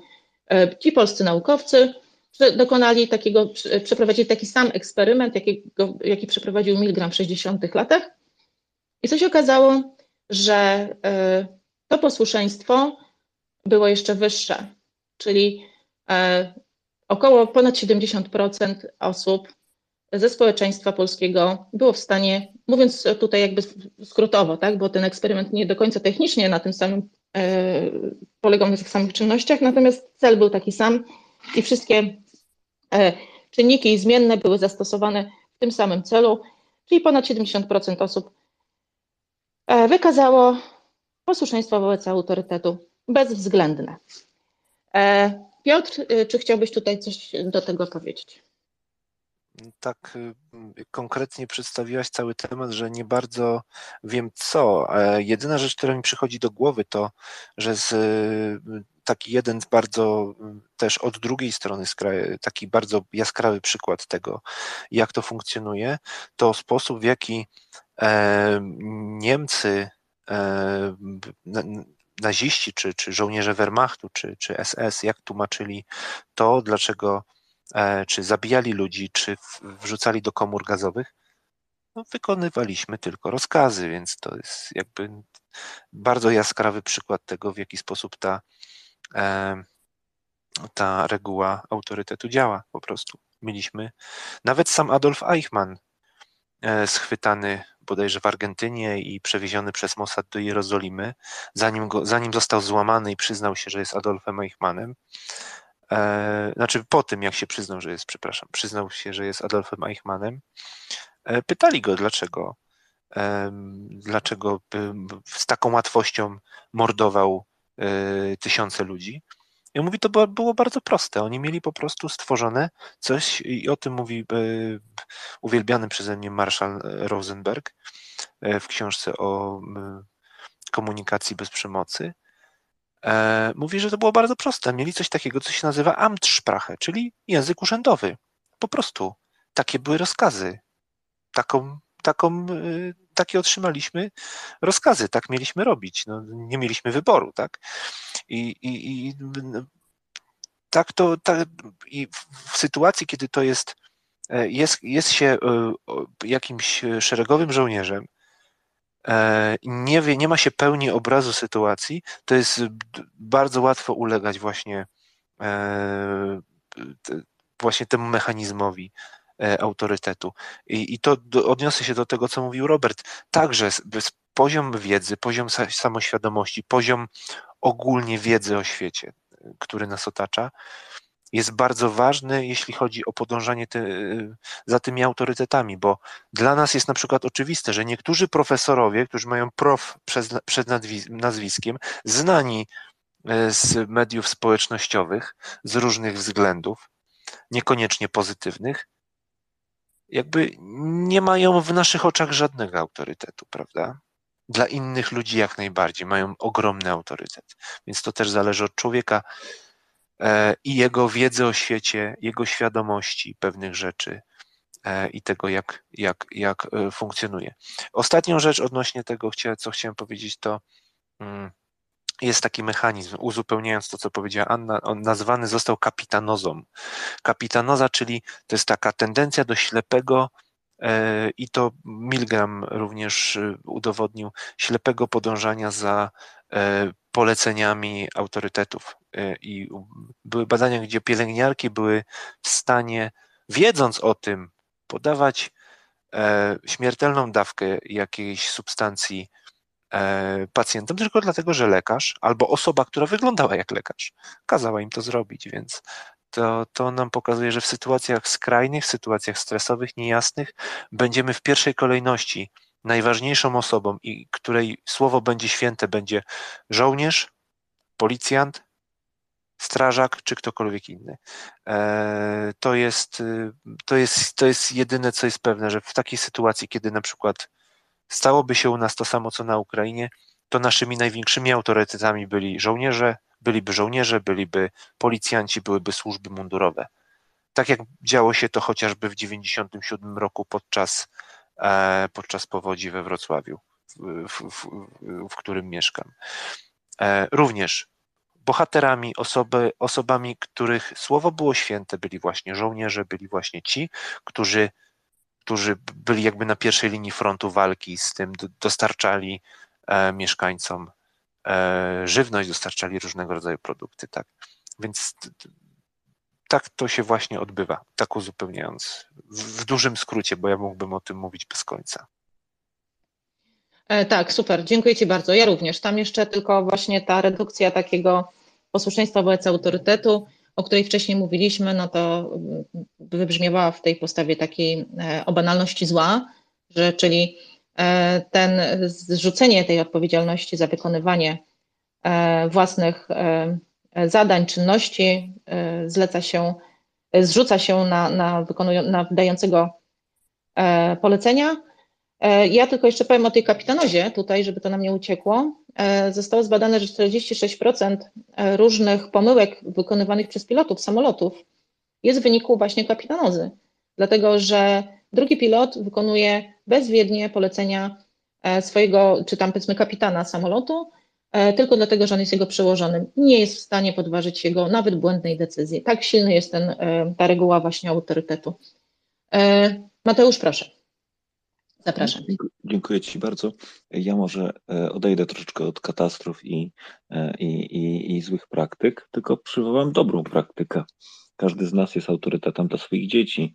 Pamiętajmy o tym, że najłatwiej przekonać dzieci na przykład do mycia zębów, myjąc te zęby razem z nimi, bo oni będą robili to, co ich e, autorytety mm, pokazują samymi sobą. Także mm, warto wiedzieć.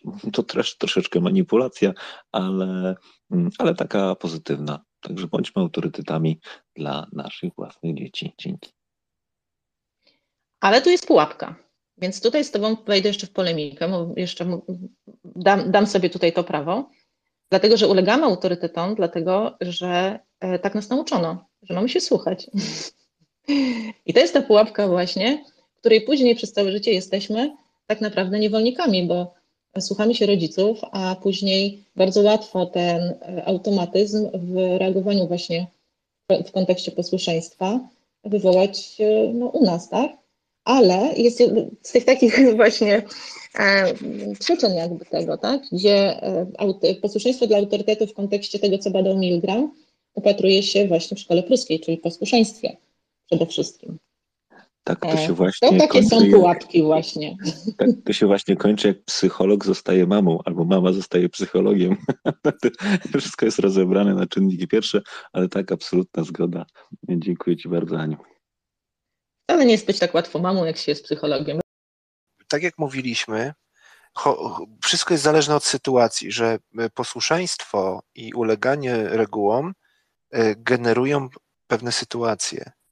W momencie, kiedy nie, nie, nie jesteś w stanie odnaleźć się w jakiejś sytuacji, polegasz na pewnych stereotypach, pewnych mechanizmach, które są w każdym z nas. I w sytuacji skrajnej, w sytuacji na przykład klęski żywiołowej, to osobą, która będzie e, dla ciebie osobą, która może ci pomóc e, w jakiejś sytuacji albo uratować życie, w sytuacji bardzo skrajnej będzie osoba mundurowa, bo to są służby, które mają docelowo, tak? Ja nie, nie wnikam, czy, czy się wywiązują z tego, czy nie, mają docelowo pomagać ludziom, czy strażacy, policjanci, żołnierze i tak dalej w takich sytuacjach. Więc mówimy o takiej sytuacji. Nie mówimy o sytuacji, gdzie e, demonstracje w Warszawie i powiedzmy policja każe się rozejść, a ludzie się nie rozchodzą. No bo to, to, to, to nie jest ten przykład, tak? Bo ci ludzie mają zupełnie inną motywację w tym momencie do tego, żeby zachowywać się tak, jak się zachowują i żeby nie słuchać tych policjantów. Więc to są, to są kompletnie E, kompletnie inne rzeczy, tak? Więc zgadzam się co do tego, że jakby policja nie ma autorytetu i tak dalej, e, ale w normalnej sytuacji, w kompletnie innej sytuacji ten policjant, na którego ludzie dzisiaj e, są podejrzliwi wobec niego, nie ufają mu, bo to jest duży problem, ja przyznaję to, z dużym bólem. To jest wielki problem w Polsce, jeśli chodzi o autorytet policji. To w sytuacji skrajnej ten policjant, zupełnie kompletnie innej sytuacji, nie jakiejś walki politycznej czy czegokolwiek innego, ten policjant będzie osobą, która może nam uratować życie, która ma dostęp do jakiejś powiedzmy informacji, jest częścią powiedzmy jakiegoś pionu, który, e, który zarządza tym kryzysem a my jesteśmy tylko uczestnikiem tego kryzysu, więc to są zupełnie inne sytuacje.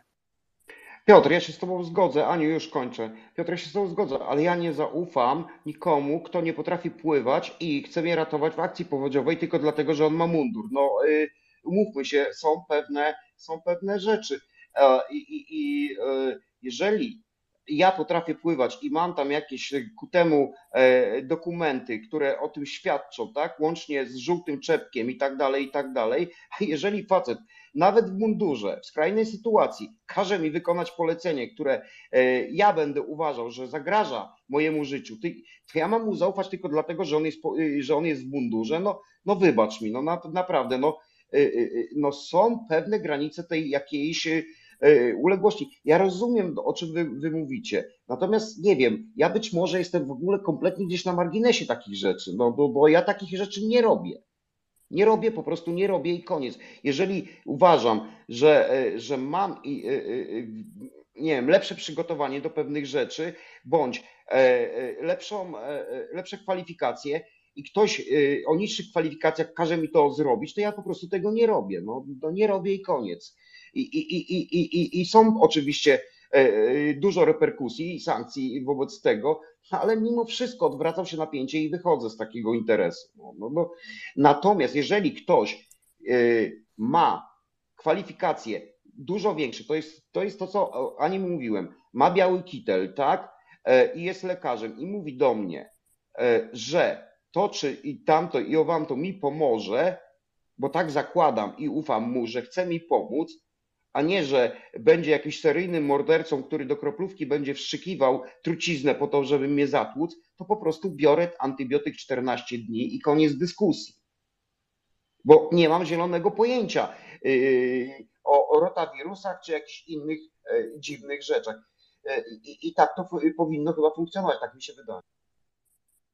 Cieszę się, Robert, bo potwierdziłeś to, o czym my mówimy właśnie, że nie masz pewnej wiedzy i ufasz osobie. Sam, jak sam powiedziałeś, która nosi kitel. To nie jest powiedziane, że to jest lekarz, nie jest powiedziane, że to jest dobry lekarz nie jest powiedziane, że ten człowiek w ogóle skończył. Ja na przykład, gdybym się ubrał w kitel i bym się z tobą spotkał, to byś wiedział, że to ja, to byś wiedział, że nie jestem lekarzem, byś mi nie zaufał.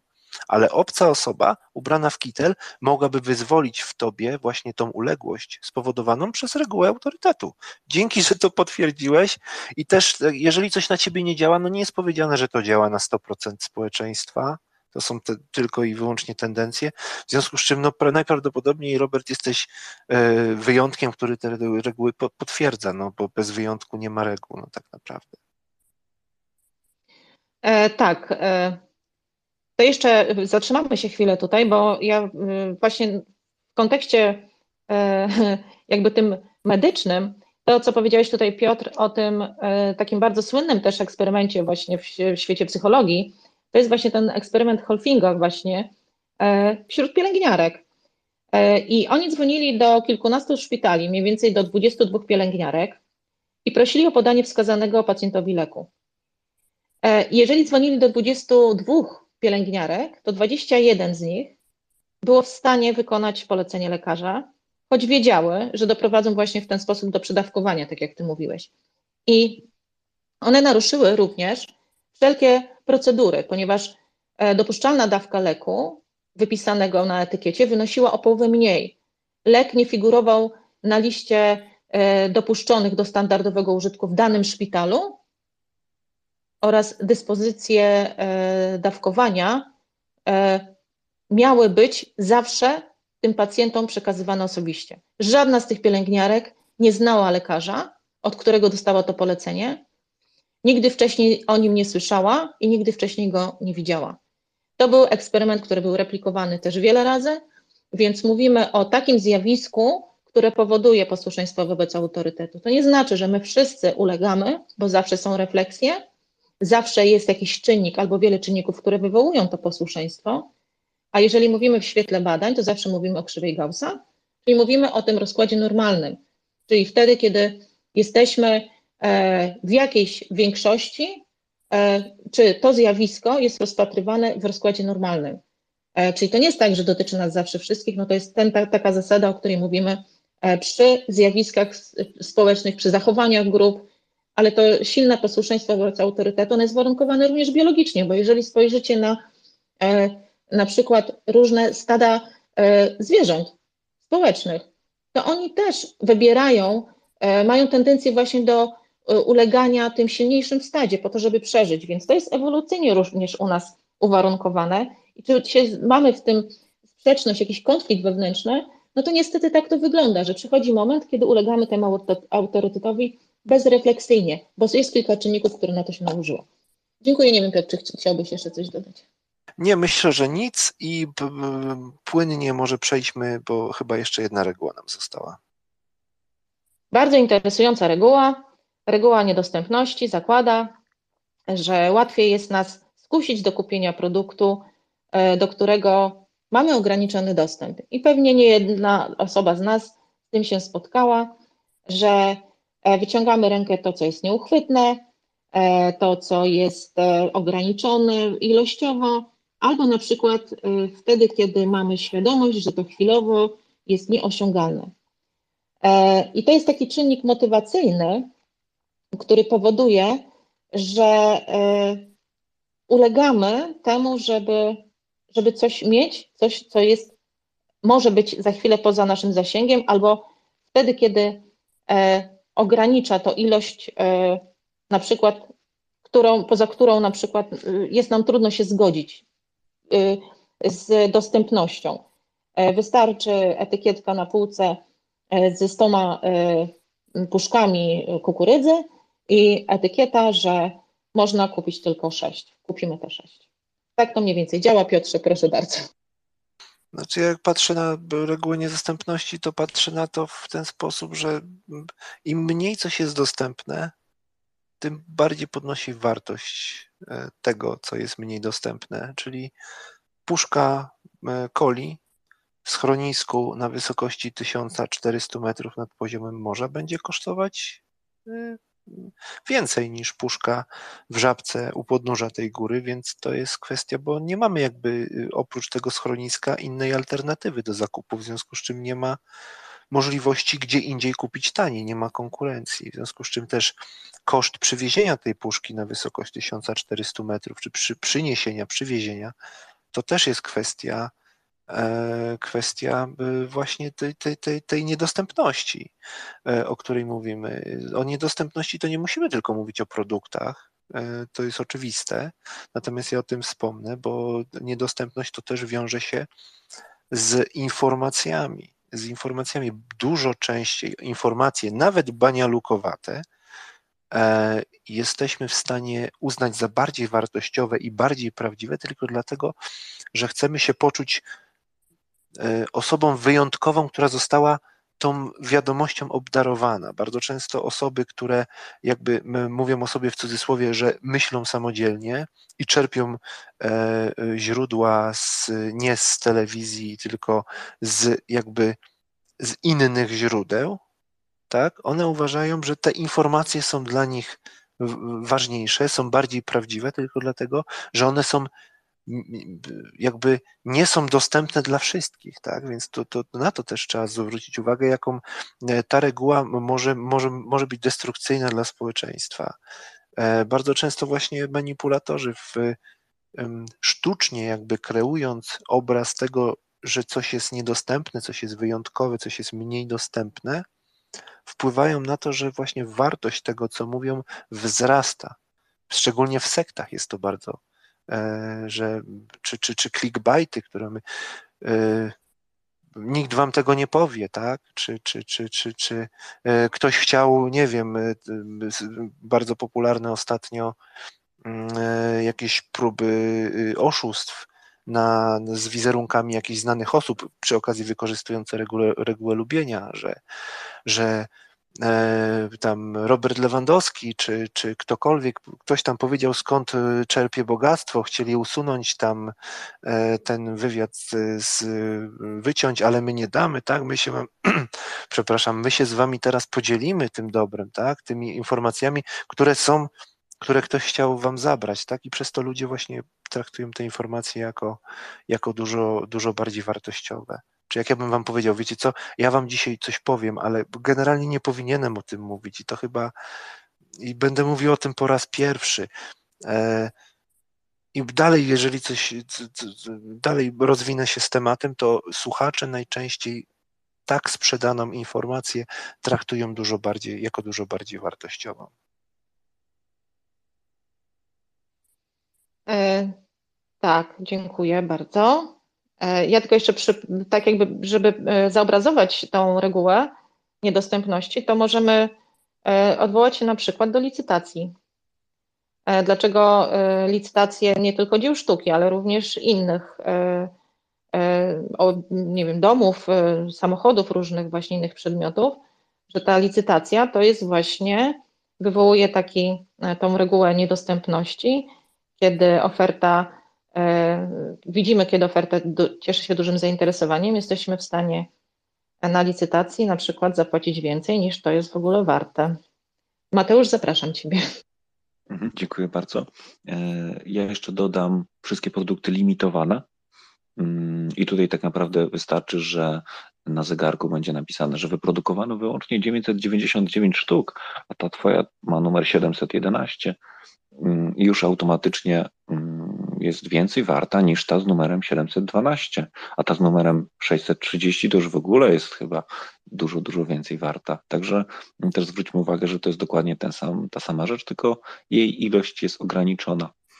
Nie tylko w czasie, ale też i w ilości a, na, e, a, a rzucając, tą, a rzucając tą, tą zasadę na e, sprawy damsko-męskie, no cóż, no najbardziej podobają nam się osoby, które są e, niedostępne, mm, trudne do zdobycia, trudne do, trudne do spotkania, mm, a osoby równie atrakcyjne, ale mieszkające naprzeciwko, w naszych oczach nie mają takiej wartości.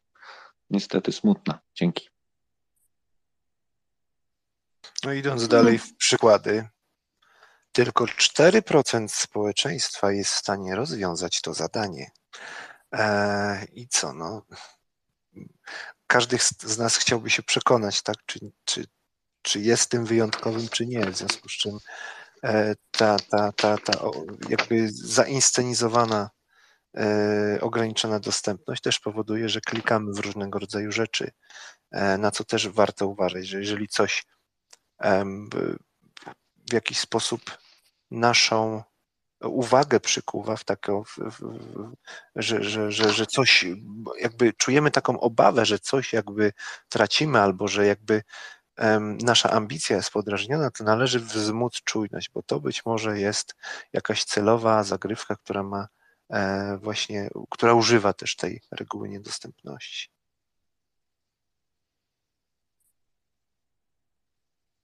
Mhm.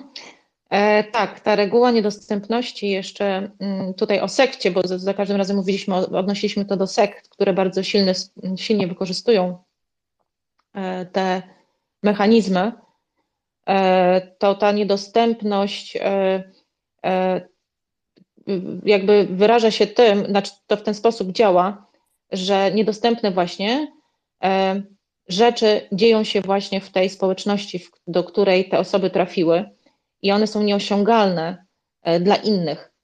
E, I teraz na przykład, e, jeśli chodzi o sekty, taki obrzęd inicjacji, czyli na przykład nowi członkowie składają zobowiązanie na resztę życia, deklarując posłuszeństwo, mimo iż nie wiedzą tak naprawdę, co, w co się angażują, i pomimo braku racjonalności, braku uzasadnionych jakichś takich przesłanek działa ta reguła niedostępności, ponieważ za, takie działa zaślepienie wizją dopuszczenia do czegoś tajemniczego, czegoś zamkniętego, hermetycznego, co dla innych jest niedostępne.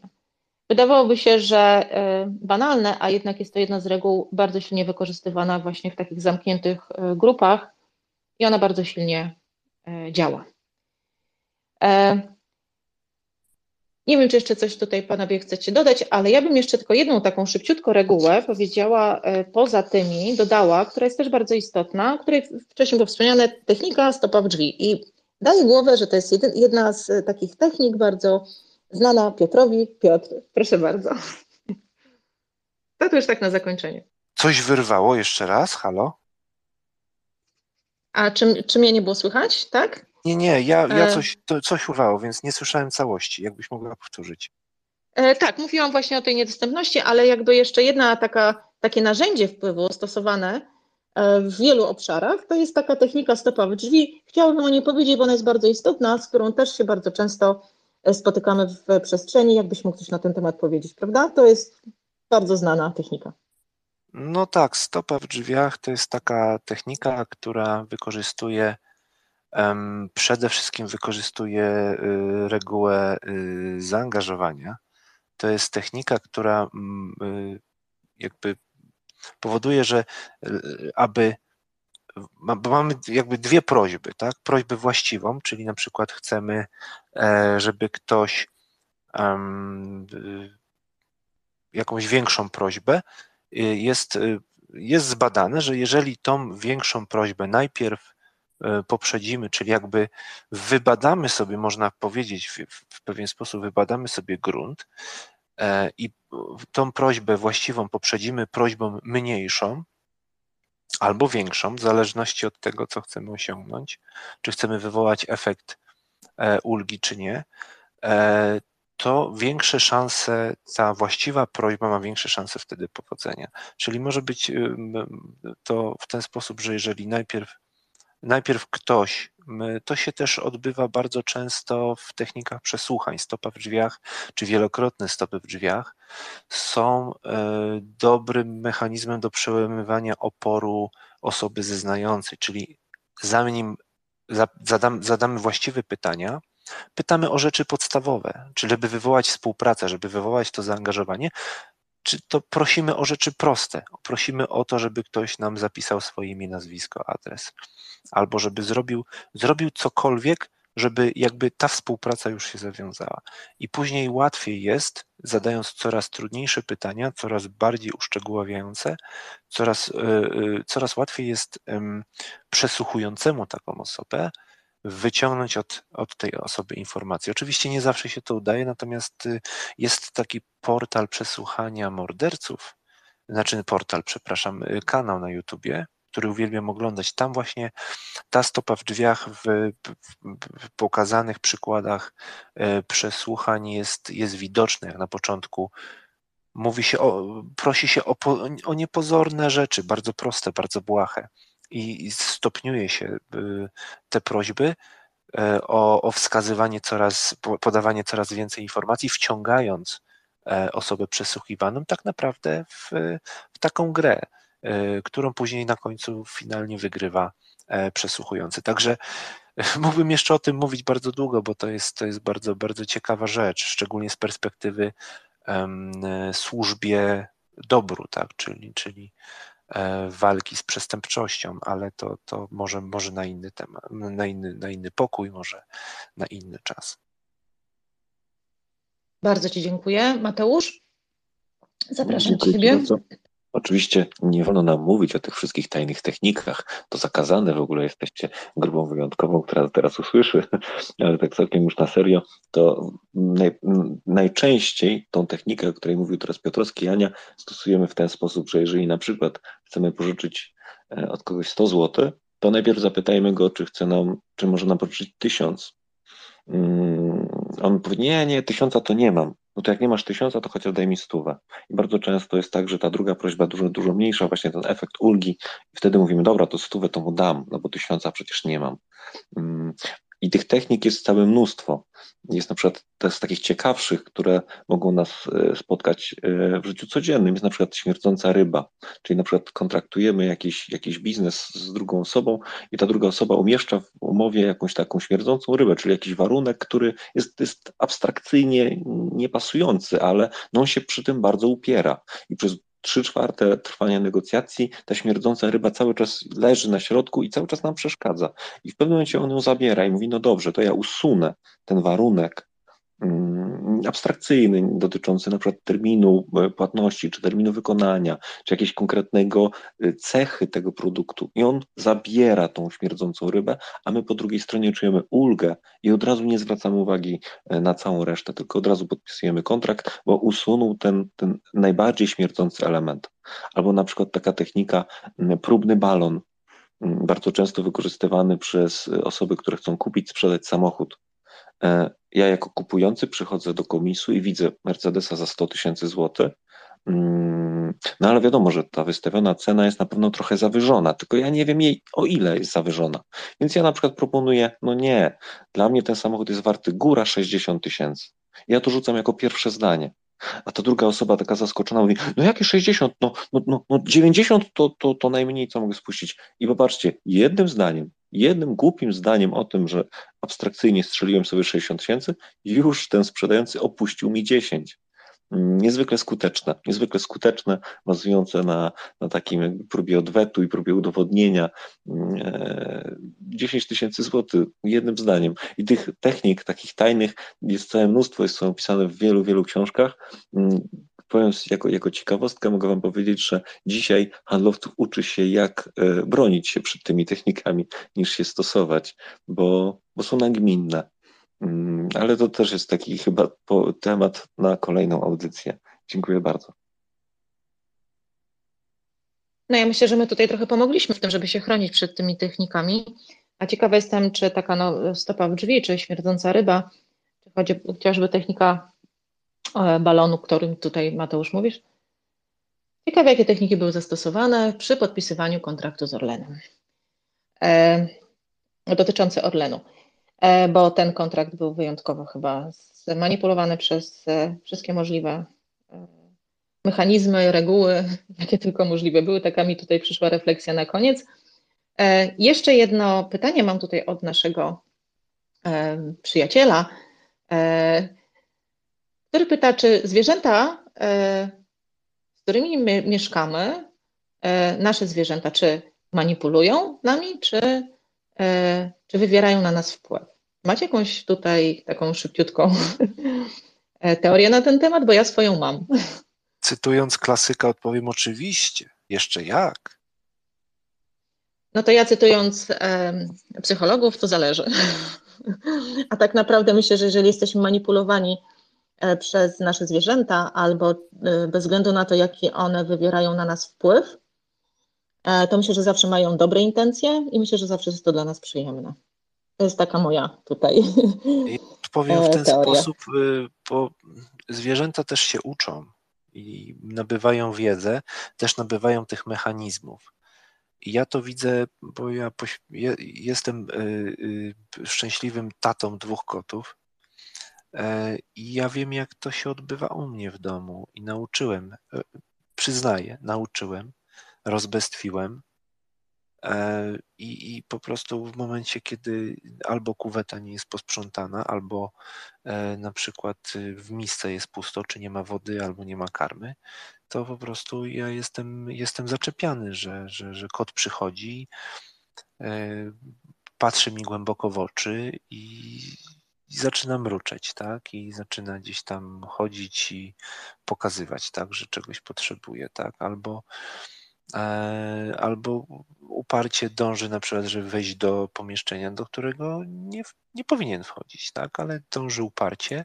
Jeżeli raz uległem, drugi raz, trzeci raz, w pewnym momencie już przestałem drzwi zamykać, bo po prostu upór kota i jego właśnie manipulowanie mnie, wywieranie na mnie wpływu w postaci nacisku dźwiękowego i nacisku w postaci e, degradowania powierzchni drzwi, E, no, spowodował, że no, te drzwi są teraz otwarte. Tak? Także zwierzęta też manipulują i dzieci manipulują i e, to jest jak najbardziej e, cecha, która nie tylko jest dana ludziom, bo my, my też byliśmy zwierzętami, też mamy swoją jakby zwierzęcą przestrzeń w sobie i, i ona też jest w nas doniosła. Co na początku mówiliśmy, że to nie tylko te stereotypy, które są nabyte, ale też atawizmy, które posiadamy po przodkach powodują, że reagujemy na pewne rzeczy w sposób, e, w sposób automatyczny. No tak, i taka manipulacja jest przyjemna. Albo to, że ktoś, taka osoba bardzo nam bliska, albo zwierzak, którego kochamy, wywiera na nas wpływ. Myślę, że to jest takie przyjemne uczucie. E, więc tutaj nie mam nic w tym złego. E, odpowiadając na pytanie, mam nadzieję, że, że tutaj zaspokoiliśmy gdzieś też może ciekawość, albo, albo mieliśmy przestrzeń na wyrażenie swojej opinii.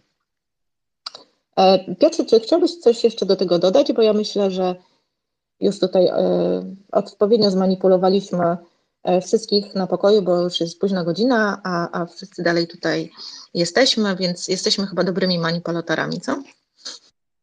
No ja się cieszę, że pomimo początkowych problemów technicznych moich, i, i, tego, że rozpoczęliśmy później, mimo wszystko ten pokój bardzo, bardzo ciekawie się, ciekawie się rozwinął. Bardzo dużo ciekawych rzeczy pominęliśmy. Dużo rzeczy e, jakby z tego, co mówili słuchacze, potwierdziło to, o czym mówiliśmy, czyli nie tylko e, my tutaj e, dostarczyliśmy wiedzy, ale przykładów dostarczyli też nasi rozmówcy, co bardzo cieszy. E, nie dziwi, ale bardzo cieszy, przynajmniej mnie, bo ja jestem o, o tych rzeczach no, przekonany w zupełności, więc mnie nie trzeba przekonywać. A im więcej osób przekonuje się do tego, że ta nauka, psychologia i badania i wiedza na ten temat, nawet taka podstawowa, może nas uchronić przed wieloma nieprzyjemnościami w, w przyszłości. I jakby, jeżeli chociaż jedna osoba, wychodząc dzisiaj z tego pokoju, dzięki temu, co usłyszała, będzie w stanie uchronić się przynajmniej raz przed jakąś sytuacją, czy przed jakimś manipulantem, czy sytuacją manipulacyjną, to ja będę bardzo zadowolony z tego i będę się bardzo z tego cieszył. To będzie dla mnie najwyższa wartość. Dzięki. E, dziękuję Ci bardzo. E, ja tu czuję się w obowiązku jeszcze odniesienie e, dwóch zdań do kwestii sekty.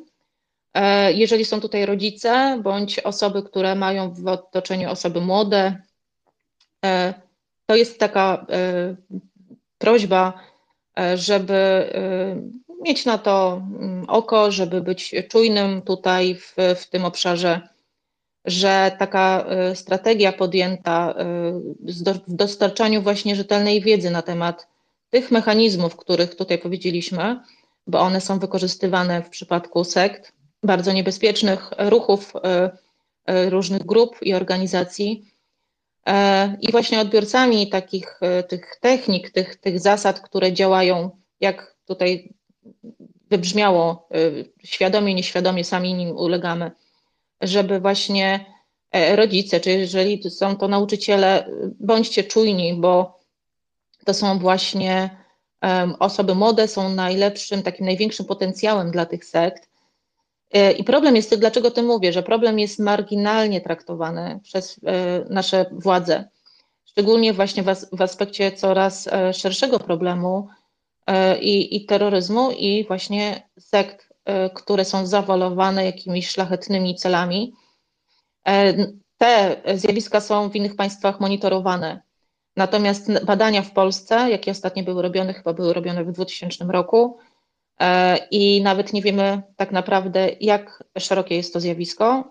Temat bardzo ważny, uczulam w poszerzaniu właśnie wiedzy w tym aspekcie. I już tak już na zakończenie, na zakończenie, to tylko domknę, e, żeby to usystematyzować, że wszystkie te e, skuteczności reguł, które tutaj wymieniliśmy, wynikają z automatycznego działania człowieka. Czy się z tym zgodzimy, czy nie, czy pojawia się wewnętrzny jakiś e, bunt, czy, czy nawet niezgoda, to niestety ale żyjemy w tych czasach, co często też tutaj o tym rozmawiamy, w których jesteśmy zalewani masą informacji. Gdy trzeba na przykład reagować szybko, e, selekcjonować właśnie sprawnie różne wiadomości, informacje, które do nas e, docierają. Dlatego przy podejmowaniu decyzji, e, dokonywaniu wyborów często właśnie myślimy na skróty. Tymi skrótami są heurystyki, o których mówiłam w ubiegłym tygodniu.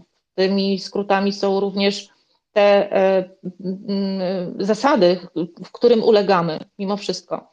Czyli podlegamy intuicji, E, nasze nawyki myślenia stereotypowe biorą tutaj górę.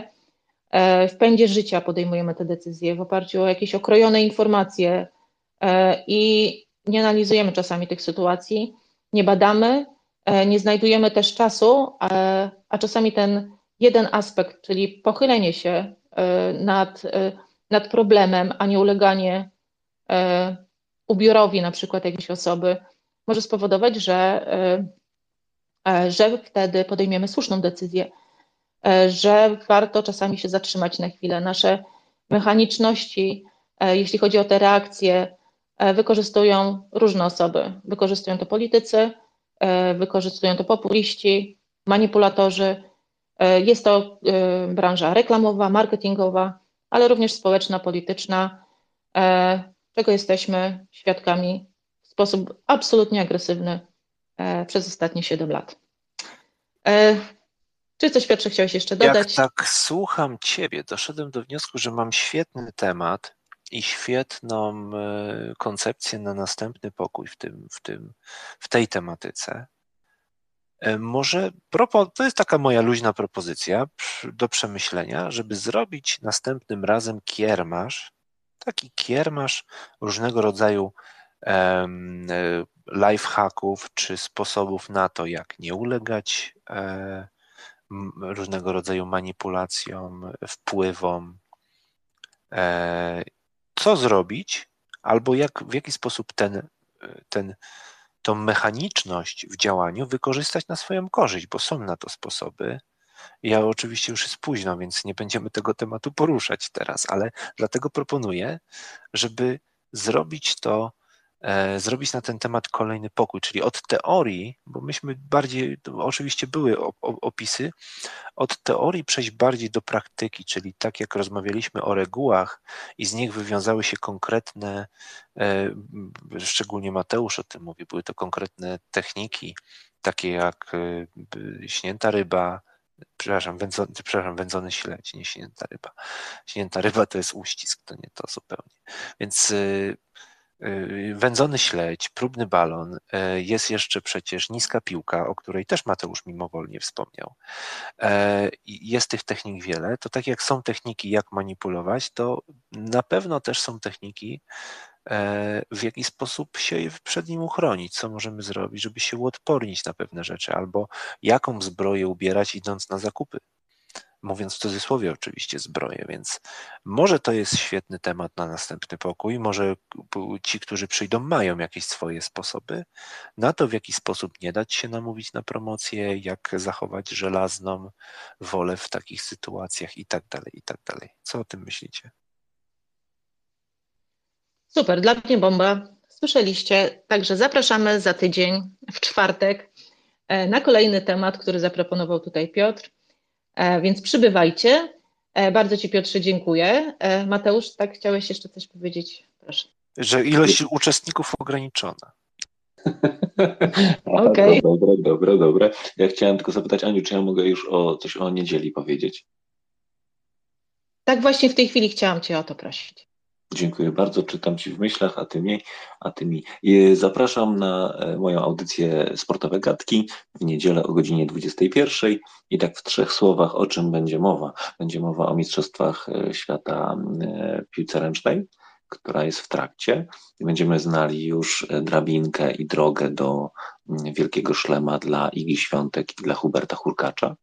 Będziemy znali, albo będziemy bardzo blisko poznania zwycięzcy Dakaru i o tych trzech rzeczach na pewno. Wspomnimy o e, polskiej i brytyjskiej piłce nożnej i jeszcze o tych rzeczach, o których będziecie wspomnieć chcieli wy. Dzisiaj bardzo dziękuję Ani Piotrkowi, super, naprawdę fajnie, dużo treści, fajnie się słuchało, fajnie było się włączyć w, w, w treść, także dziękuję Wam bardzo i do usłyszenia. Dzięki. Ja dziękuję bardzo, także e, tak jak bardzo. tu Mateusz powiedział, tak, dziękuję Ci Piotrze za, e, za tutaj udział, e, za merytoryczne informacje. Ja Was wszystkich zapraszam do śledzenia naszego profilu. W niedzielę najbliższą Mateusz, w poniedziałek Mateusz i ja. We wtorek zapraszamy do cyklicznej audycji My Polacy, którą prowadzi Tadeusz Krupa-Arkadiusz Olszowy. Gościem będzie niezwykle interesująca osoba, niezwykle ważny, niezwykle e, ciężki temat. E, śledźcie, zapraszamy. Ja dzisiaj bardzo Wam dziękuję. Życzę spokojnej nocy. E, I jak widzicie, widzicie, tematów jest wiele. E, będziemy je poruszali. Dalej będziemy tą drogą szli. Dziękuję bardzo, spokojnej nocy, dobranoc. Dobranoc, kłaniam się nisko.